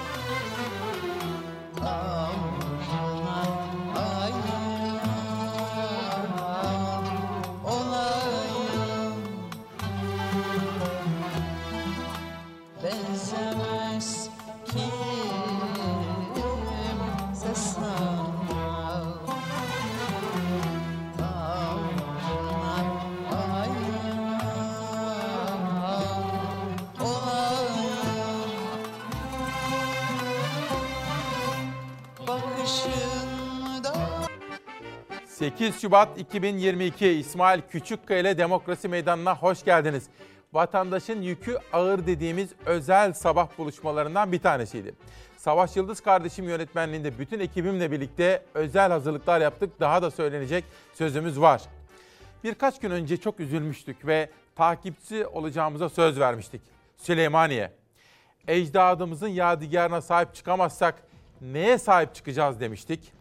O gün Murat Ongun'la konuşmuştum. Beni hepiniz hatırlayacaksınız Mahir Polat'a en yetkili ve bilgili kişi demişti. Ona yönlendirmişti. Aldığım bilgileri sizlerle paylaşmış ve akabinde İlim Yayma Vakfı'ndan gelen açıklamadan da memnuniyet duyduğumuzu belirtmiştim.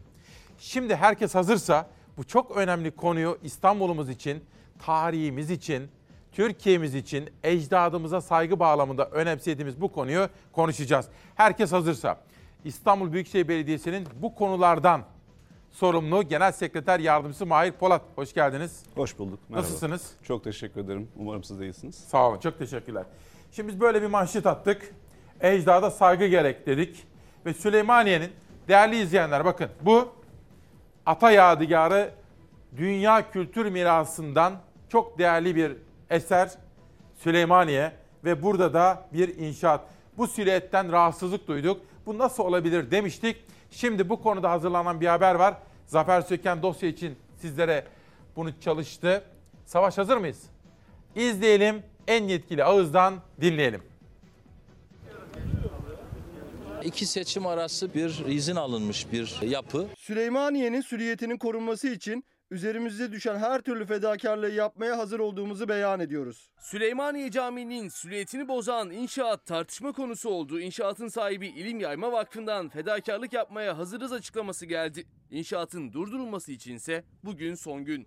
Boşlukta bırakmayacağız. Hangi hak hukuk içerisindeyse bu konuda girişimlerimizi yapacağız. Süleymaniye Camii'nin ruhunu bozan ve süliyetinin önüne geçen yapı konusunda mülk sahiplerinin üzerine düşen sorumluluğu yerine getirmek konusunda yaptıkları açıklama, kamusal vicdana ve yasal dayanaklara uyma konusunda olumlu bir gelişmedir. Süleymaniye Camii'nin hemen yanı başında 50 yıldan uzun süredir han olarak işletilen bir bina vardı. O bina İlim Yayma Vakfı'na yurt yapılması şartıyla devredildi. Vakıf inşaata başladı ancak yapının yüksekliği Süleymaniye Camii'nin kubbelerine yetişti. Silüeti tehdit eder hale geldi. Vakıfla da irtibat kurun dedim arkadaşlara. Eğer düzeltme imkanları var ise tekrar bir proje düzenlesinler ve getirsinler. Burası hem yüzlerce yıllık bir ibadethane hem kültür varlığı hem de turistik bir merkez. Silüetle birlikte yapımı devam eden o inşaat işte bu varlıklara da gölge düşürüyor. Gelen tepkiler üzerine vakıf geri adım attı. Süleymaniye ruhunun bozulmasını önce biz kabul etmeyiz denildi açıklamada. Süleymaniye'nin ruhuna zarar verebilecek herhangi bir girişimi önce biz kabul etmeyiz. Galata'dan bakıldığında görülen silüet ve kubbeler Süleymaniye Camii'ne ait. Hemen önünde yükselen silüeti kapatansa İlim Yayma Vakfı'na ait bir inşaat. İstanbul Büyükşehir Belediyesi de acele durdurma talep etti inşaatla ilgili. Ancak tartışmalar sürerken inşaatta çalışma da devam ediyor. Tartışmalar devam ederken inşaat sürüyordu bir yandan Süleymaniye'nin yanında. İstanbul Büyükşehir Belediyesi bugün inşaatın vakıf tarafından durdurulmasını bekliyor. Eğer durdurulmazsa mühürlenip inşaatın durdurulacağını belirtiyor. Şimdi efendim bu konuyu konuşacağız ama önce ilk defa demokrasi meydanında sizlerle tanıştıracağım için ben de ilk defa yüze geliyorum kendisiyle. Sizi şöyle anons ettim ya hani konuştuk sizinle pek çok kez Evet. konuştuk şu son birkaç günde. Neden siz en yetkili kişisiniz bu konuda bir anlatır mısınız? İstanbul Belediyesi'nden başlayarak bunları bir anlatır mısınız kısaca? Tabii tarihi alanlara bakan Kültür Varlıkları Daire Başkanlığı, İmar Daire Başkanlığı, Boğaziçi İmar gibi alanlara ve kentsel dönüşüm gibi alanların tamamının bağlı olduğu genel sekreter yardımcısıyım. Ee, profesyonel yaşamımda e, 30 yıla e, neredeyse varan bir ilgi. E, Bu konulara. 20 yıldır da profesyonel bir e, çalışmayla tarihi miras alanları e, hem Vakıflar Genel Müdürlüğü'nde hem de 2019'dan bu yana e, Ekrem Başkanımızla birlikte İstanbul Büyükşehir Belediyesi'nde kültürel varlıklar ve İstanbul'un e, bu alanlardaki projeleriyle ilgilidir. E, doğal olarak çalışma alanımızdır. Vakıflardan geliyorsunuz E, belediyeye. Vakıflar Genel Müdürlüğü'nden geliyoruz. Eski eserlerle yıllardır bir haşır neşirliğimiz var. E, Çok emek verdiğimiz alanlar. Güzel. Bizim gibi bir- birçok profesyonel e, dostumuzla e, mesaimiz olmuştur. E, Özel hissettiğimiz sadece profesyonellikle ilgili değil, e, duyarlılıkla baktığımız Güzel. alanlar. E, Böyle bir Şimdi- çal- çalışma sahamız var. Mahir Bey. Bu, bu nedir? Burayı bir anlatır mısınız bilene bilmeyenlere? Şimdi e, Önce şu. Şu tarihi yani Süleymaniye'yi bir anlatın kısacık. Süleymaniye Külliyesi yani Mimar Sinan'ın başyapıtlarından birisidir. Ee, hepimiz için eşsiz bir e, eser. Biliyorsunuz Mimar Sinan ve Kanuni Sultan Süleyman için başyapıttır ve İstanbul için en değerli yapılardan birisidir. Mimar Sinan için bundan daha üst yapı Edirne'deki Selimiye Camii'dir. Ee, 1985 yılında Dünya Miras Alanı ilan edilmiş bir bölgenin çekirdeğinde durur Süleymaniye Külliyesi. Neydi 1985'te e, Dünya Miras Alanı ilan edilmesi? İsmail Bey çok önemli. UNESCO diyor ki dünyanın Osmanlı mimari dokusunun eşsiz örneğidir diyor. Süleymaniye için. Evet. Savaş bir tane Süleymaniye'nin genel görüntüsünü bulur musunuz bana? Evet. Onu Eş- hissedelim. Eşsiz demek şu demek. Bu kaybolduğunda Süleymaniye ortadan kalktığında Osmanlı'nın dünya mirasına en büyük katkısını artık dünyada bir daha gösteremeyeceğiz demek. Önce şunu bir anlatır mısın? Bu gördüğümüz kubbeler nedir? Ee, Bunlar e, Süleymaniye'nin etrafındaki medreselerden Salis ve Rabi medreseleri e, bölümündeki medreselerin tam da Mimar Sinan'ın dehasını yansıtan kademelerle Süleymaniye'den aşağı böyle inci gibi e, dökülen kubbelerdir. Bunlar Süleymaniye Külliyesi'nin İstanbul'un bir kubbeler şehri olmasını sağlayan kubbeler bunlardır. Güzel. Yani bu paha biçilmez bir şey değil mi? Kesinlikle. Bir Benim daha yapılamayacak. için, tarihim için değil mi? Peki bu arkadaki ucube nedir? Ee, bu yapı e, son günlerde mülk sahibi bir vakfın e, bu kubbeleri kapatan, e, bizim tespitlerimize göre en az 6 metre önlerini kapatan eski yapıya göre ne yazık ki derme çatma, gece kondu mantığıyla üretilmiş bir yapıdır. Böyle söylemek gerekir. Peki. Şimdi sonrasında bu yapının ne olduğunu anladım. Hatta ben sizleri de eleştirdim aslında. İmamoğlu da. Bu, bu yapıya gelene kadar neden seyrettiniz? Bir kere İlim Yayma Vakfı'nı eleştirdim. Nasıl bunu yapabilirsiniz? Benim kültürümü, doğamı korumadan, Süleymaniye'yi korumadan. Ama sizi de eleştirmiştim. Neden bunu bu noktaya gelene kadar seyrettiniz diye. Ama siz de bana benim eleştirilerimin yersiz olduğunu anlatmaya çalıştınız. Şimdi soru şu. Bu ne binası efendim arkadaki? E, İlim Yayma Vakfı'nın yurt ve ticari bina olarak kullanacağını e, anlattı ve projede de böyle geçmiş. Bize ulaşmayan, bizim onaylamadığımız, bizim e, onay mercimize ve denetimimize e, sunulmamış olan e, projede geçen e, yurt ve ticari e, fonksiyonlu binasıdır. Peki bu arkadaki silüeti bozuyor değil mi kesin? Ee, şu an gördüğünüzde zaten biz eskiden karşılaştırmalı fotoğraflar gösterdik. Bakın İsmail Bey yan tarafta bir çatı var görüyor musunuz? Şurası. Ee, Süleymaniye'nin daha önce 90'lı yıllarda böyle kaçak yapıları vardır. Bu yerde de tam böyle bir kaçak yapı vardı eskiden. Fakat bu çatı seviyesinde değildi. Biz fotoğraflarını yayınladık. Ee, imar planında 950 olacak bir alan. Şimdi yüksele yüksele bakın burada gördüğünüz bu e, çatı katı tabyası daha tamamlanmamış. Daha üstüne bir de çatı gelecek ölçekte 6 metre en az e, eski binaya e, park yapacak şekilde bir duvar örülerek önü kapatılmış bir mimari e, işlem bu. Bu yasal mı efendim? İlgili mevzuata uygun mu? Şimdi ilgili mevzuat öyle bir yer ki burası Süleymaniye. Katman katman koruma yasası var buranın. Tamam. Bir tanesi imar planı esastır ve koruma amaçlıdır. Koruma amaçlı imar planına uygun değil. Orada 950 yükseklik var. Burada şu an 13-20'lere ulaşmış bir yüksekliğimiz var. Dünya miras alanları koruma mevzuatına uygun değil. E, çünkü süliyete etki ediyor. Bu süliyetin içine önüne geçemez. Öteki taraftan avan proje yani bütün Süleymaniye yenileme alanı ilan etmişlerdi. E, bakın burada fotoğrafta görüyorsunuz. E, Savaş bu işte bravo. e, 1942 yılından 2021 yılından sonra da 2022 yılından alan görüyoruz. Şimdi 2021 yılında önünde yapı yok. Bakın yandaki çatıya tekrar emsal alın. Arkadaki e, köprünün ayaklarını emsal alın. Ne kadar yükseldiğini göreceğiz ama 2021'de buradaki zemindeki mevcut bina yıkılmıştı. Fakat 2016 fotoğrafını da biz yayınladık. Ee, dostlarımız sağ olsunlar buradaki bürokrat dostlarımız bizim 2021'de burada bina yoktu. Manipüle ediyorsunuz diye bizi suçladılar. Biz 2016 yılında ne olduğunu da gösterdik. O seviye hiçbir zaman bu kubbelerin önüne çıkmamıştı. Peki. Bunu zaten bütün İstanbullular bu manzaraya giden herkes bilir. Burada böyle bir yapı yoktu, böyle bir yükseklik yoktu. Zaten herkes de bunun tepkisini gösterdi. Şimdi İstanbul Belediye Başkanı Sayın İmamoğlu dedi ki bu buna ilişkin yasal izinler iki seçim arasında hani tekrar edildi ya seçim. Evet, evet. O arada verildi dedi. Doğru mu bu? İsmail Bey, e, Daha Nisan- doğrusu doğru mu de- demeyeyim de bu işin aslı nedir diye sorayım. Kısaca özetleyeyim size. Nisan 2019'da iki seçim arası e, dönem diye artık kamuoyuna e, mal olmuş dönemde buraya ilişkin hem o alanda yapılacak bina yani parsel ölçekli bina hem de o adanın kendisi bütün adayı beraber yap- yapılması gerekiyor burada proje yapılması. O adanın kendisinin projeleri bu dönemde iki seçim arasında dönemin İBB'sine yaptırtılıyor. Ve e, o dönem onaylatılıyor koruma kurulundan ve ilçe belediyesinden. Fakat yenileme alanında bir proje yapabilmeniz için İsmail Bey bu projenin özü ve kaçak oluşunun tam önemli noktası budur. Bu alanda bir proje yapabilmeniz için Avan projesinin Büyükşehir Belediye Başkanı makamı tarafından onaylanması gerekiyor. Var mı onay? Yok. Yok. O zaman Bu ne anlama geliyor? Bu proje ilçe belediyesi ve koruma kurulu ki şu an kapalı olan bir koruma kuruludur. İlgili koruma kurulu tarafından onaylanmıştır ama ilgili onaylar alınmadan onaylanmıştır. O yüzden bu proje hükümsüzdür. Onaylar hükümsüzdür. Burada tamamına erdirilmiş bir e, onay süreci yoktur. Yani bir onayı yoktur bu projenin. Peki. Şimdi ben Murat Ongun'a sorduğumda İmamoğlu ile konuşarak bana döndü. Akabinde siz de şöyle bir bilgi verdiniz. Her iki bilginin ortak noktası şu. Bugün 8 Şubat itibariyle süre doluyor. Neyin süresi Evet. doluyor? Biz e, tabii e, bu alandaki bu kaçak yapılaşmayı ve bu süliyet etkiyi görünce hemen ilgili belediyesine, ilgili kuruma ve kurula, mülk sahibine 3 alana birden yazı yazdık ama burada e, koruma kurulunun kararı şöyle der. İlçe belediyesi, ilgili belediyesi, e, Fatih Belediyesi'ni kastederek e, denetiminde ve e, sürecin e, yürütü- yürütülmesini ister. Biz de doğal olarak yetki orada olduğu için onlara yazdık. Dedik ki 3 günlük süre içerisinde, iş gün iş günü süresi içerisinde e, yapılaşmanın tamamen durdurulması. Çünkü geri dönüşsüz ta- tahribattır bu. Aynı zamanda projenin ruhsatlı e, düzenlenmesi konusunda durdurularak bize evrakların iletilmesini dedik. Bu üç günlük süre bitiyor. Bugün e, alanda e, e, verdiğimiz süre bitiyor. Tabii biz bunların işbirliğiyle, karşılıklı iletişimle, Güzel. kurumlar arası diyalogla çözülmesini istiyoruz. Çünkü nihayetinde kamunun da yüksek tansiyonla takip ettiği bir konu. Artık burada böyle bir yapının yapılma şansı zaten yok. Bunu soracağım. Burası nedir efendim?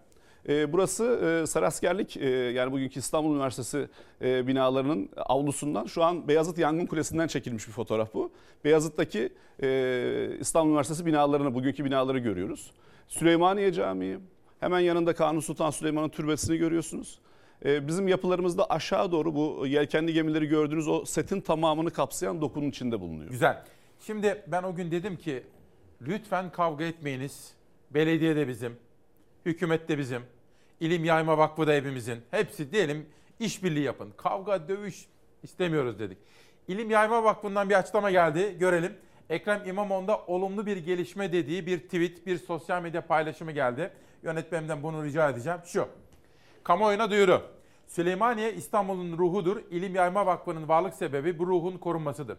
Süleymaniye'nin ruhuna zarar verebilecek herhangi bir girişimi önce biz kabul etmeyiz. Süleymaniye'nin silüetinin korunması için üzerimize düşen her tür fedakarlığı yapmaya hazır olduğumuzu beyan ediyoruz. İlgili kurum ve kuruluşları üzerine düşen sorumlulukları yerine getirmeye davet ediyoruz dedi. İmamoğlu'nun olumlu bir gelişme dediği bu açıklamadan sonra en son durum nedir ve nasıl çözeceğiz? Ee, şimdi ilgili kurumlar biz oluyoruz burada. Üzerimize düşen sorumluluğu yaparak biz zaten bu yazıdan önceki bir tarihte kendilerine inşaatın durdurulmasını ilçe belediyesine, mülk sahibi bizim burada tabii ki resmi olarak e, şu an muhatabımız değil. E, inşaatın durdurulmasını, daha fazla ilerlenmesini, ruhsatın da normal koşullara göre, normlara göre düzenlenmesini e, söylemiştik. Biz bugün süre bittiği için kendilerinin inşaatı durdurulmasını, resmi olarak belediyenin durdurmasını talep ettik. Kendileri çalışıyorlar. E, oradaki dostlarımızla iletişim halindeyiz. Başından beri iletişim halindeyiz. E, onlar da vakıfla iletişim halinde. Biz de diyalog kuruyoruz. E, zaten e, fiili olarak ilerlemeyeceğini düşünüyoruz artık bu gelişmelerden sonra. Fakat İsmail Bey eğer resmi olarak bugün durdurma evrakları ve benzer çalışmalar yapılmıyorsa biz bugün itibariyle bugün mesai saati içerisinde e, alana gidip mühürlemesini yapacağız. Ama İlim Yayma Vakfı da bir açıklama yaptığına göre bu inşaat duracak, o uzantılar kesilecek değil mi? Evet, evet bu, bu sürecin kesin. böyle tamam ama şöyle bir gelişmeyi daha e- ekleyeyim. E, İlim Yayma Vakfı'nın açıklamasının tamamını okursanız orada aslında bu yüksekliklerin ve onayların e, bizim yansıttığımız gibi olmadığına ilişkin hala bir argüman var. Biz et- etraflı bir şekilde her türlü resmi yazıya bunu konu ettik. Bu konuda resmi evraktır esas. Biz yazışmalarımızı ilgili kurullarla, belediyelerle yaptık. E, bu şekilde ilerlemesi gerekiyor. Ben size bir şey söyleyeyim mi? İstiyorlarsa bütün yasal izinlerini o ara dönemde almış olsunlar. Efendim bu yapılamaz. Yani bunu bunu buna kimsenin gönlü razı olmaz. Yani Süleymaniye'nin silüetini kapatmaya yani istiyorlarsa o ara dönemde her türlü yasal izni almıyor. Ya önemli değil. Bunu yürekleri el vermez yani. Hiç kimse bir kere Cumhurbaşkanı izin vermez buna. Yani bunu gördüyse çok üzülür, kızar yani. Ben buna izin vermez. Şimdi o zaman bu tıraşlanacak diyorsunuz. Belki de tamamen kaldırırsınız projeyi. Sürecin nasıl ilerleyeceğini kısaca anlatayım. Lütfen. Biz bugün e, kendileri ya da bizim icramızla Savaş, Süleymaniye'nin yukarıdan çekilmiş drone ile alınmış görüntüleri vardı. Onu da aktar da izleyenlerimiz görsünler. Buyurun. Ee, biz bugün işlemini yapıp e, ya ilçe belediyesi ya da biz inşaatı resmi olarak durdurmuş olacağız. Sonra e, encümenimizden bir ay süre vererek e, katların e, aykırı e, katların kaldırılmasını ve alanda onaysız olan alanın avan projesinin yeniden yapılmasını. Projeyi biz baştan ele almak zorundayız. Çünkü hiçbir yerinde bizim olmadığımız, daha doğrusu koruma ilkelerinin olmadığı bir projeyle karşı karşıyayız. Bakın çok kısa, küçük deniyor ama aşağıdan görüntüleri var. Ee, oldukça yüksek. Bak, Yedi, yukarıdan da görüntü var. yedi, Bak, yedi katlı evet, evet buradan şimdi gö- gördüğümüzde daha Evet. iyi anlıyoruz. 7 katlı bir yapı e, bu dokuda olmayacak bir e, alan. Bir şey E, diyeceğim ya. Böyle bir yurt olur mu ya tam orada? Burada bir, ticari bir şeyler mi var? E, alt katında bir ticari birim olduğunu görüyoruz. Üst katında e, yurt binalarının olduğunu görüyoruz. Ama İsmail Bey size şöyle bir şey söylemek Lütfen. istiyorum. Süleymaniye bir parselde bir yapı ölçeğinde düşünülebilecek alan değil. Az önce sizin görsellerini gösterdiğiniz alanla ilgili bilgi vermek istiyorum. Bu çok önemli. Çünkü 85 yılında dünya mirası ilan edilen bakın her zaman e, dünyayı bizim Osmanlı mirasına düşman addeden bir e, şeyimiz vardır, refleksimiz vardır. Burayı e, dünya e, korumacıları e, korumak için titriyorlar Osmanlı üzerine. da bizim, Cumhuriyet de bizim kesinlikle, efendim. Kesinlikle Osmanlı mirasının dünyada eşsiz bir alanını UNESCO Size- Dünya Mirası Size alanına bir almış tavsiyede bulunabilir miyim? Yani naçizane ben o gün bir yurttaşım sonuçta dedim ki kavga etmeyin. Bu meseleyi çözün, anlaşın. Hatta para toplayalım gerekiyorsa. Gidin bu İlim Yayma Vakfı'na deyin ki ya burada olmaz bu. Alın gerekirse verin, arazi verin. Yurdu başka bir yerde yapsınlar. Böyle bir uzlaşma yapılabilir mi? İsmail Bey bizim e, sahada e, yenileme projelerinin tamamını bütün e, alanın kendisindeki yenileme projelerini yapma yetkisi İstanbul Büyükşehir Belediyesi'nde. Tamam. Biz burada projeleri yaparken bu hassasiyetlerle yeniden yapacağız. Zaten kaçak yapılmış bir proje sürecinden bahsediyoruz. Biz İstanbul Büyükşehir Belediyesi olarak bu alanda hem süliyet hem de alanda olması gereken yapı tipinde yapıları yeniden inşa edeceğiz. Neyi söylemeye çalışıyorum? Süleymaniye bütünüyle 2006'da yenileme alanı ilan edildi. Bakın 2006'da yenileme il- alanı ilan 2006'da. edildi. 2006 yılında Bakanlar Kurulu'yla yenileme. Ne, ne diyor? Biz bu tarihi alanı koruyacağız diye Türkiye Cumhuriyeti Bakanlar Kurulu bir karar verdi 2006'da. Bakın çok trajik bir şey Ama bir söyleyeceğim. şey size. diyeceğim. etrafında biz zaman zaman oraya kuru fasulye yemeye gidiyoruz o taraflara Evet. da. Sonra yani söylemesi ayıp işte ne bileyim. Yani İlber Ortaylı hocamıza bir bayramda gitmiştik mesela bir Ramazan veya Kurban Bayramı'nda. Hoca anlattı bize orada ne tarihi binalar vardı da yok oldu. Çok güzel bir noktadasınız. Şimdi size sayı vereceğim. Çok önemli. öyle mi? Ee, burası ilan edildiği zaman UNESCO Dünya Mirası alanı ilan edildiğinde burada 851 tane tarihi ala- e, tescilli bina var. 851. 851. Evet. Burası e, yenileme alanı ilan edildiğinde 525 tane sivil mimarlık eseri var. Ahşap konak. Bir emsali yok dünyada. 525 tane. Bugün kaç tane var İsmail Bey? Yenileme alanı ilan edip koruduk burayı. Ondan sonra kaç tane kaldı biliyor Kaç musunuz? kaldı? 525 tarihi eserden 50 tane kaldı sadece. Ay. Ve bu süreç içerisinde burası Yandık, yüreğimiz burası yandı koruma işte. alanıydı. Bakın Süleymaniye Bunlar? e, bunlar buranın tarihi belgelerinden çıkardığımız tek tek bina bina çıkardığımız alanlar. Bu 525 yapı özellikle 2015-2019 arasında sistematik olarak yok edilmiştir. Sü- Süleymaniye katledilmiş bir alandır. Bir saniye. Süleymaniye bir inşaat alanı olarak görülmüş bir alandır. Bir dakika bir dakika. Yönetmenim Savaş söyle şimdi. Ha Fatih Belediye Başkanı yayına katılmak istiyormuş. Buyurun bağlayalım. Buyurun tabii ki burası demokrasi meydanı. Şimdi peki nasıl kurtaracağız bundan sonra? Ee, Bütünüyle itibariyle diyorum. Yani o bina zaten kalkacak oradan. Buradaki tek tek bu tarihi yapıların hepsini tek tek çalışıyoruz. Bakın fotoğraflar bizim arşivden çıkardığımız, tarih haritalardan çıkardığımız fotoğraflar. Bunların tamamı alanda tekrardan yerine restore edilerek inşa edilecek. Biz Süleymaniye'yi bu tarihi dokusuyla tekrardan bu projelere işleyeceğiz. Avan proje dediğimiz budur. Bu avan projelere bu yapılar tek tek işlenecek ve Süleymaniye'yi tekrar tarihi dokusuyla ayağa kaldıracağız İsmail Bey. Bu bizim vazifemiz, bu bizim e, Türkiye'nin önündeki en önemli görevlerden birisi. Bütün kurumlar işbirliğiyle bu alanı ayağa kaldırmak zorunda çünkü bizim bir tane Süleymaniye'miz var. Bir şey soracağım. Ben oradaki eleştirimde haklı mıyım başkanım? Siz onu belediye olarak bu kadar yükselmeden fark edebilir miydiniz? E, buradaki projelerin tamamı bizim onayımızdan ve bizim denetim sürecimize e, tahvil edilmeden yürüdüğü için geldiği kod 950 imar planındaki hakkıdır. 950'nin üstüne çıktığı aşamadan sonra biz müdahale ettik İsmail Bey. peki. Aslında o yükseliyordu. Daha sonra aşınca biz de e, kamuoyunda e, bu müdahaleyi yapmış olduk. Şimdi ben şunu kesin bileceğim değil mi? İlim Yayma Vakfı'nın o açıklamasından da memnuniyet duydum. Tabii ki kesinlikle. Bu kalkacak değil mi? Ee, Şu ke- görüntü. Kesinlikle buradaki zaten e, plan açısından boş hükmünde bir e, e, çalışma. E, Biz de kendileriyle bugün görüştük. Sayın Fatih Belediye Başkanımız da şimdi bağlanacak. Bağlanmak istiyor, E, evet. Kendisi de bu, bu konuda bir açıklama yapacaktır. Bakalım. Çünkü çalışıyorlar biliyorum. Değerli izleyenler tabii burası önemli hepimizin. Yani bazı konular partiler üstüdür. Yani Süleymaniye dediğin zaman bunun AK Partilisi, CHP'lisi, MHP'lisi, HDP'lisi olmaz. Orası bizim hepimizin ata yadigarıdır. Fatih Belediye Başkanı Ergun Bey günaydın. Günaydın İsmail Bey. İyi günler diliyorum Ergun Turan. Ee, buyurun efendim. Yayına bağlanmak istemişsiniz. Teşekkür ederim. Biraz rahatsızım onun için sesim dolayısıyla özür diliyorum. Çok hayırlı olsun efendim. Geçmiş olsun. Evet, e, şimdi e, izolasyondayım. E, 3-4 gündür, Perşembeden beri bu korona ile ilgili izolasyondayım. Ha, omikron musunuz? Evet, omikron. omikron Çok yani. geçmiş olsun efendim. Teşekkür ediyorum. Şimdi bir bir kısmını e, duyunca katılabildim. Onun için e, programımıza katkı da sunayım istedim. Lütfen. Sizin de söylediğiniz gibi aslında bir önemli konu var. Burada şu anda toplumda hassasiyet uyandıran bir bina e, var. Bu bina hepimiz bu sevindirici bir defa. Bu hassasiyet oluşturan milletimize de teşekkür etmemiz lazım. Süleymaniye'yi konuşuyoruz. Dolayısıyla burada zaten bu do- doğan hassasiyetten e, oluşan e, sonuç olarak İlim Yayma Vakfı bir açıklama yaptı. İki şeyi lütfen bakın burada zaten tartışamayız ama bir gündeme getireyim sonra ben bunu Büyükşehir Meclisi'nde konuşmasını yapacağım. Bir defa yasallık tartışması bir televizyon programında yasallık tartışmasını yapamayız. Buradaki bina yasal bir binadır. Ancak yasal olması toplumsal kabulü gerektirmez. Yani bir bina yasal olabilir, toplumsal kabul farklı bir yerdedir. Şimdi o binada bir birkaç şey müsaade ederseniz bir iki dakikada almak istiyorum. Şimdi bu binayı Tabii ki, bina- buyurun, Şu anki buyurun. şeklini savunmayacağım. Çünkü ilim yayma zaten çok nitelikli bir açıklama yaparak Süleymaniye hassasiyet, hepimizin hassasiyettir, biz gereğini yapacağız dedi. Evet. Bir defa bu tartışma bitti. Büyükşehir'in şimdi sürekli bir şey söylemesinin bir anlamı yok. Zaten İlim Yayma Vakfı yasal hakları olmasına rağmen, bakın ben bunun altını çiziyorum ama burada tartışmayalım. Yasal bir bina olmasına rağmen, yasal hakları olmasına rağmen bundan geri adım atacağını söyledi. Bu teşekkür hak eden bir davranıştır İstanbul için. Şimdi bu binadaki gözüken o kalıp sistemleri parapet kalıp sistemi de söküldü. Şimdi mesela şu anda görüntü o değildir. Kat yıkılmadı. O parapet kalıpları yıkıldığı için bir defa kat ilavesi yok. Bir şey izah etmek istiyorum. Bakın Mahir Bey teknik bir arkadaşımızdır. Biz sık sık da görüşüyoruz.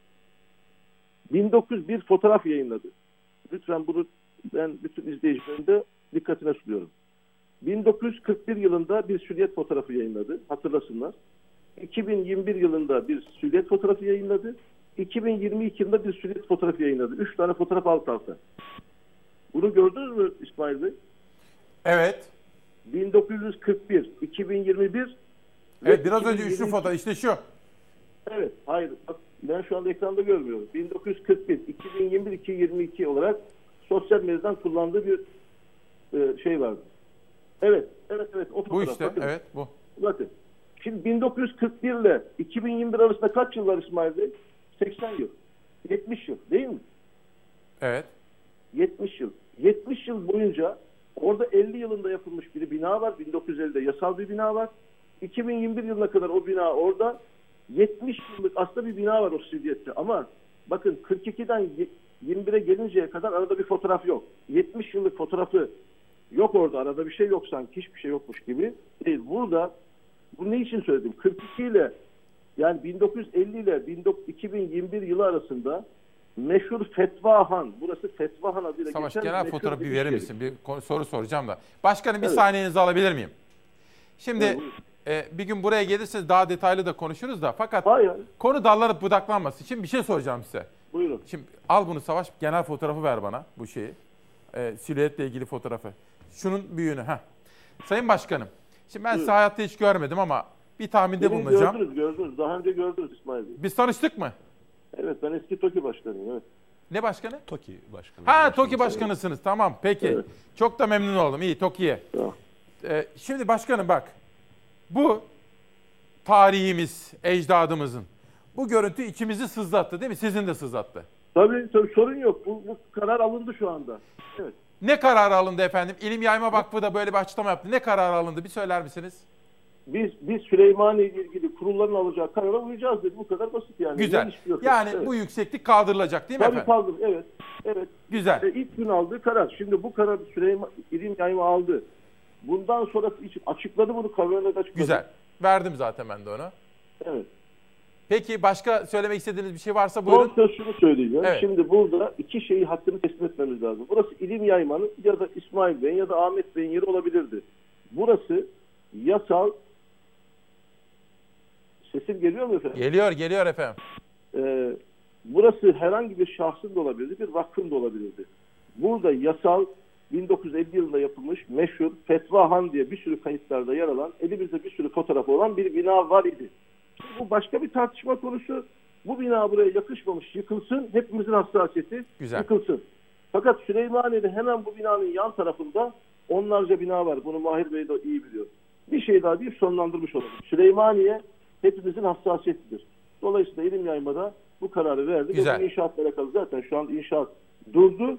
Alacağımız karar bekleniyor. Yani kurumların alacağı kararlar bekleniyor şu anda. Yani hangi katı nasıl ilave edilecek, nasıl sökülecek onu konuşacağız. Peki. Şimdi Say- buyurun. bir şeyi söyleyip müsaadenizle burada buyurun, bu buyurun. e, meşgul etmek istemiyorum.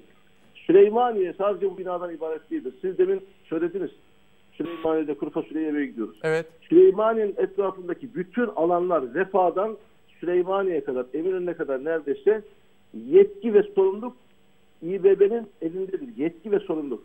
Şimdi insanın sadece bir olay olduğunda yetkisinin aklına gelmesi eksik bir şeydir. 3 yıldır Süleymaniye'de sorumluluk İBB'dedir. Bakın biz uyum içerisinde çalışmaya gayret ediyoruz ama Süleymaniye'nin diğer alanlarında o gördüğünüz koca bir mezbellik alanda yüzlerce bundan çok daha kötü fotoğraf vardır. İBB'nin sorumluluğunda olan. Arkadaşlarımızın buradan bir şey çıkartmaları bence şu. Burada bir bina var. Eğer birisi alkışlanacaksa şu anda alkışlanması gereken kuruluş İlim Yayma Vakfı'dır. Yasal binasından fedakarlık ediyor. Biz de bunu alkışlıyoruz. Çünkü Süleymaniye buna değer. Bundan sonra Süleymaniye'nin tamamıyla ilgili kurumların televizyondan, sosyal medya üzerinden değil, oturup hep beraber çalışmamız Şimdi gerekir. Bir şey söyleyeceğim. sahada çözülmesi gereken bir konudur. Teşekkür Sayın ediyorum. Başkanım, Sayın Başkanım. Öncelikle yayına gösterdiğiniz ilgi ve verdiğiniz katkı için teşekkür ediyorum. İlim Yayma Vakfı'nın da bu açıklama yaptığı için teşekkür ediyorum. İstanbul Belediyesi'nin yetkisini de hatırlattığınız için teşekkür ediyorum. Onu da soracağım. Ama tabii Adalet ve Kalkınma Partisi de yaklaşık çeyrek asırdır İstanbul Büyükşehir Belediyesi'ni yönetti ve eğer orada her şey son 3 yılda yapıldıysa biz Ekrem İmamoğlu'nu burada vur abalaya yapalım. Hayır vurmayalım. Ee, İsmail Bey, Evet. hiçbir şey. Ben Ekrem Bey'i de yakından tanıyorum. Onlar da benim hakkaniyetli konuştuğumu takdir ed- edeceklerdir. Tamam. Bakın, bizim ben 15 yıl İBB mecliste bulundum. Eski AK Parti grup başkanıyım ben. 2009-14 yıllar arasında da Tamam. AK Parti grup başkanıyım. Süleymaniye'de bugün %72'si Kiptaş tarafından yani e, kamu elinde bir yer haline getirilmiştir. Aslında tam da Süleymaniye şu anda işlenecek hale gelmiştir. Yani Güzel. Burası dediği gibi 1985 yılından beri dünya miras alanıdır. Orada bir 3 yıldır çalışma yapılması gereken bir alan var. Ve ben belediye olarak Fatih Belediyesi olarak biz İBB ile çatışma üzerinde bir dille şu anda çalışmıyoruz. Çok iyi. E, bunu bunu kamuoyu da yakinen biliyor. Ama Süleymaniye'de bir bina üzerinden bak bunu çok net konuşuyorum. 70 yıllık fetvanın olduğu bina üzerinden 42 ile 21 arasında 70 yıllık mesafede bir fotoğraf koymayı Başkanım 20 ile 20 2016'yı da yayınladık. Sevgili Ergün Başkanım. değildir. Sevgili Ee, Ergün Başkanım için- 2016'yı da yayınladık. Bunu da e, kamuoyu da biliyor. Hatta istenirse şu an 2016'da bina mevcutkenki fotoğrafını da bak, gösterebiliriz. Peki bunu teknik tartışmalar ama şunu söyleyin lütfen orada o zaman lütfen. Tabii. Ee, siz e, Mahir Bey burada Buyurun 1950 yılıyla 2021 yıl arasında meşhur fetvanın olduğunu söyler misiniz orada? Ee, başkanım burada meşru ve yasal dediğiniz bina e, Hayır orada bir fetvan var mıydı? O soruya cevaplar mısınız? E, 1951 ile size- 70 2021 arasında. e, vardı ve bunun kendisi bir kaçak yapıydı. E, zaten yapı affından da Bakın. bir belge almış bir yapı ama e, yapı o yükseklikte de değildi. Yani kastedildiği gibi meşru şu yükseklikte değildi. 13.70'e çıkmış. Daha henüz çatı katı tamamlanmamış. İsterseniz İsmail Bey. 2016 fotoğrafına Evet, buyurun, bakıp buyurun. görebiliriz Şöyle başkanım. bitirelim şimdi Mahir Bey de burada. Tamam. Şimdi bir defa toplumsal hassasiyet. Millet sabahleyin bizden iyi haberler bekliyor. İlim yayma burada bu toplumsal hassasiyet ilk önce bu hassasiyete teşekkür etmemiz lazım. Ben Bütün topluma yakınıyorum. değil mi? Bütün topluma ve biz de bunun Kesinlikle, sözcülüğünü yaptık kesinlikle, çalar saati olarak. Kesinlikle Süleymaniye konuşuyoruz. Bu gerçekten sevindirici Çok bir iyi. şey. Hepimiz, bütün kamu kurum ve kuruluşları ve kamuoyu Süleymaniye konusunda hassasiyetini koydu. Sağ olun sizler de Eksik hassasiyetle dile getiriyorsunuz. Ve biz ilim yaymada gerçekten hiç uzatmadan toplantısını yaptı, açıklamasını yaptı. Şunu Çok söyledi, biz gereğini yapacağız dedi. Kurumlar bir araya gelsin. Ne demek istiyorsunuz? Sivriyetten kastınız ne demek istiyorsanız söyleyin biz ona gereğini yapacağız dedi. Buradan sonra da tartışacak bir şey yok. Bundan sonra kurumların lütfen bu işten bakın her birimiz bir işten bir kahramanlık üretmeye çalışmayalım. Hep beraber oturalım samimiyetle Süleymaniye Güzel. konusu buralarda çözülmez. Süleymaniye konusu sahada çalışacak insanlarla, teknokratlarla Ama şöyle başkanım bir şey söyleyeceğim. Şimdi siz tabii ideal bir dünyadan bahsediyorsunuz ama ben şunu biliyorum. Biz burada bununla ilgili yayınları yapmasak, iki tarafa çağrılarda bulunmasak Tabii. bu bina bitebilirdi. Dolayısıyla sizden ricam, ben de sonuçta bir Türkiye Cumhuriyeti yurttaşıyım. Hepiniz ülkemizi seviyorsunuz. Hangi parti olursa olsun. Belli konuların siyaset üstü olduğu bilinci ve farkındalığı ile işbirliği yapın. Kamuoyu oluşturmak gerekiyorsa da biz varız efendim. Çok Öyle teşekkür ediyorum size. Çok sağ olun. Öyle yaptığımızı iyi bilenlerden bir tanesi. Bürokrat ol. olmasına rağmen Sayın Mahir Polat'tır. Biz e, işlerimiz İstanbul söz konusu olunca böyle çözüyoruz. Siyaset anlayışımı söyleyeyim. Bizi seçen irade nasıl saygıdeğerse Büyükşehir Belediye Başkanı seçen irade de o kadar saygıdeğerdir. Biz kendimizi seçenleri Hala. haklı görüp başkaları se- seçenleri görmüyoruz. Dolayısıyla hepimiz kendi yetki ve e, kanunlar çerçevesinde işlerimizi yapmaya çalışıyoruz. Ama Süleymaniye için güzel bir hassasiyet. Umarım bu hassasiyetimiz e, Süleymaniye'nin geleceği için çok önemli şeyler ifade edecektir. Peki. Ben saygılar sunuyorum bana bu. Çok teşekkür fırsatı ediyoruz. Sağ olun. olun. Tekrar Başkanım, geçmiş, olsun. olsun. Bir şey soracağım olun, pardon. teşekkür- Başkanım. Buyurun. Aşılar tam mıydı aşılar? Aşılarım tamdı tabii. Ama çok hafif atlatıyorum. Şimdi İşte aşılar iki gün sayesinde. bir vücut ağrım oldu ama Allah aşkına. İyi. Geçmişler olsun. Teşekkür ederim. Çok sağ olun. Sağ. Sağ olun. Sizin de bugün bir toplantınız vardı. Siz Evet, nereye gidecektiniz evet, bugün evet. İmamoğlu'na? Ee? İsmail Bey birkaç cevapla e, Ergün önce bir sorumu yanıtlarsanız onu tabii. kaçırmak istemiyorum. Şimdi bugün çok değerli bir gün aslında. İstanbul'un en önemli e, mimari yapılarından Boter Apartmanı, Kasa Botter diye tanımlanan. Sarayın e, baş terzisi Botter, Doğrankor'un yaptığı e, en güzel yapılardan birisini İstanbul'a kazandırdık. 30 yıldır metruk bir haldeydi. E, neredeyse yıkılma aşamasına gelmiş durumdaydı. Üstünden ağaçlar çıkmıştı. Bugün e, birazdan 11'de bir lansmanla, Sayın Başkanımızın yapacağı bir lansmanla e, Kasabotlar e, Tasarım Merkezi'ni e, İstanbul'a kavuşturacağımızı duyuracağız. İstiklal Caddesi'nin e, ortasında çok özel bir yapıdır. E, sizi de bekliyoruz bir gün e, orayı Mutlaka gezmeye. gelmek isterim. Efendim şimdi o zaman nasıl toparlayacağız son olarak? Kısaca şunu söylemek gerekiyor. E, alanda e, bütün Süleymaniye, Ergün Başkanımın söylediği çok önemli bir nokta. Süleymaniye bu yapıdan ibaret değil. Alan çok büyük ve tahrip edilmiş durumda. E, 2019 itibariyle alanda sadece 50 yapı kalmış durumda. Biz alanın tekrardan restore edilmesi için geniş ölçekli bir çalışma yapıyoruz. Bu çalışmanın içerisinde e, işbirlikleriyle hem koruma kurulu hem ilçe belediyesi hem vakıflar genel müdürlüğü gibi paydaşlar var. Biz İBB olarak bu alanda tarihi dokusuna uygun olmayan hiçbir yapıya izin vermeyeceğimiz gibi yapacağımız projelerle de alanın tekrar tarihi dokusuna uygun şekilde yeniden İstanbul'a ve dünyaya kazandıracağız. Biz bu çalışmayı yapıyoruz. En iyi bilenlerden birisi de başkanımız. Kendisiyle işbirliği içerisinde mütemadiyen de görüşüyoruz. Ee, Destekleri var. Burada oluşan bu parselde oluşan durumun kendisi bazen bürokratları, siyasetçileri çok aşan durumlara konu olmuş olabilir. Fakat biz burada toplumsal duyarlılıkla beraber Süleymaniye'yi nasıl koruyacağımızı bu örnekle gördük efendim. Peki çok teşekkür ediyorum. Sağ olun, var olun. Size hem geçmiş olsun Hürmetler, diyorum hem bugünkü açılışınız için başarılar diliyorum. Çok teşekkür ederim. E, belli ki bu konulara ilgili ve bir o kadar bilgilisiniz. Teşekkür ediyorum. Çok naziksiniz. Temel konularda yani böyle partiler üstü olan konularda işbirliği yapmak iyidir her zaman. Biz de Kesinlikle. bu konularda eğer kamuoyuna duyurulmasını istediğiniz bir şey varsa her zaman açız. Burası İsmail Bey bir cümle söyleyeceğim. Buyurun. Tarih ve tarihi eserler o kadar geniş spektrumdadır ki bugün Galata Kulesi'nin davası da Süleymaniye'de benzeri yerlerde bizim ömrümüzü en az 10 kat tüketecek kadar genişlikte. Süleymaniye kalır biz gideriz. Bu e, siyasiler Peki. için de böyledir, bürokratlar için de böyledir. Peki, Korumamız çok- gerekiyor. Çok teşekkür ediyorum. Hürmetler. Efendim ben konumu uğurlayacağım ama Maliye ve Ekonomi Bakanı, Hazine Bakanı bir süredir yurt dışında Londra'ya gitti. Londra'dan sonra Jakarta'ya gidecek ve hem yeni ekonomi modelini anlatacak hem de Türkiye'ye para çekmeye çalışacak. Ekonomi gözlerdeki ışıltıdır. Benim gözlerimdeki ışıltıyı arkadaşlarım görüyor. Hazine ve Maliye Bakanı Nurettin Nebati Londra'ya gitti, iş dünyasıyla görüşmeler yaptı. Görüşmelerin de olumlu geçtiğini duyurdu. Londra'da çeşitli bankaların ve yatırımcıların üst düzey yöneticileriyle yaptığımız birebir görüşmeler çok olumlu geçti. Ekonominin başındaki isim Nurettin Nebati yeni açıklanan ekonomi modelinden umutlu. Her fırsatta dile getiriyor bu düşüncelerini. Güçlem gözlerime bakar mısınız? Ne görüyorsunuz? Bakan Nebati yeni ekonomi modelini anlatmak için Londra'ya gitti. Banka ve yatırım şirketlerinin yöneticileriyle bir araya geldi.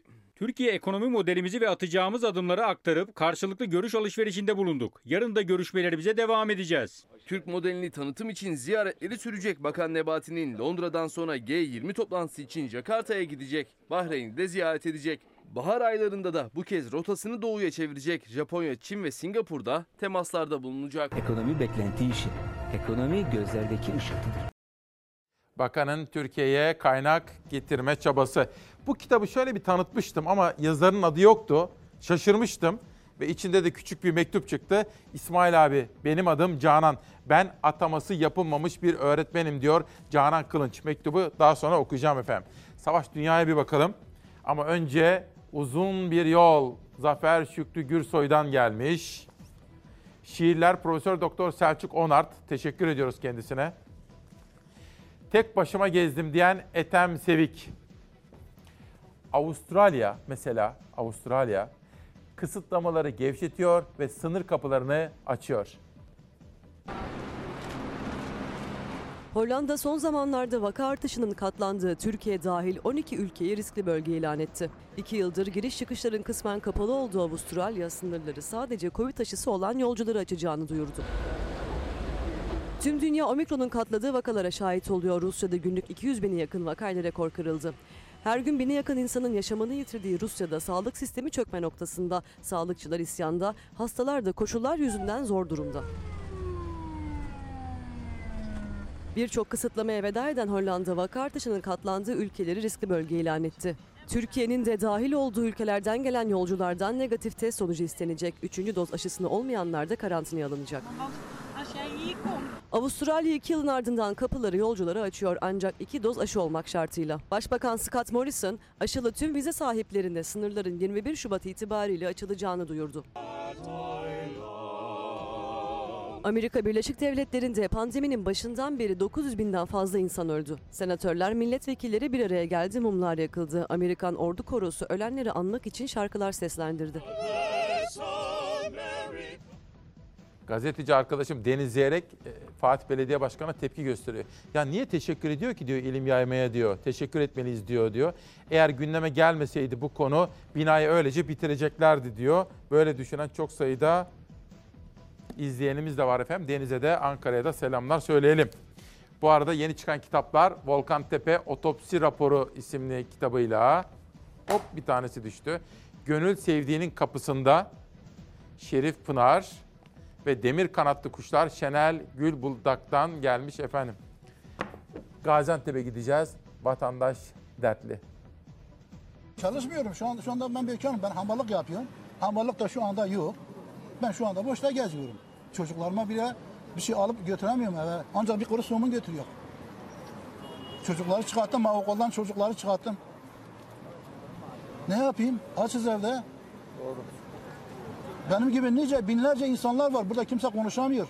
Doğru. Konuşun arkadaşlar ya. Konuşun ya. Hele bak. Konuşun hakkınızı aran ya. Biz terörist değiliz ya. Biz terörist değiliz. Biz bu ülkenin vatandaşıyız ya.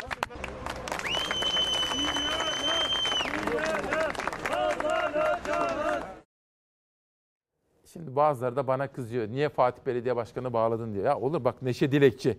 Programa hem konuk çağırıyorsunuz hem de telefona bağlanana. E tabii söz hakkı ama yani demokrasi meydanı böyle bak. Kavga mı ettiler? Ya güzel biz polemik yaratmadık ki. Anlaşsınlar isteriz biz efendim.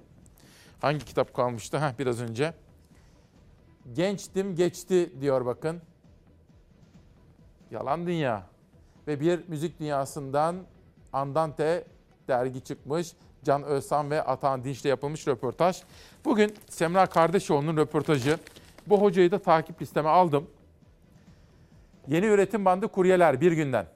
Kuryenin eylemlerini değerlendiren sosyolog doçent doktor Erdem Yörük, yoğurt, süt gibi temel gıdanın alınamadığı bir yoksulluk yaşanıyor dedi. Enformel işçi sınıfının toplumsal hareketlerinin yeni öznesi olduğunu savunan Yörük, hükümetler bu sınıfın desteğini kazanmak zorundaydı dedi. Uzun bir röportaj ve ortaya çıkmış. Bugün efendim hem Müzeyyen Senar'ın hem de Cem Karaca'nın bunları kaldıralım arkadaşlar. Kaldıralım bunları tamam. Başka bir sefer. Erken saatlerde aktarmıştım. Bugün iki ayrı kıymetli sanatçımızın ölüm yıl dönümü. Hem Müzeyyen Senar'ı işte 9 kuşağında da saygıyla, özlemle andık. Onu unutturmayacağız. Onu unutmak mümkün değil. Ve aynı zamanda yine müstesna bir ses, olağanüstü bir yorumcu Cem Karaca geliyor. Her ikisini de 8 Şubat'ta kaybettik. 8 Şubat 2004'te de Cem Karaca'yı kaybettik. Ama onlar sonsuza dek yaşayacaklar sesleriyle ve yorumlarıyla diyorum Cem Karaca.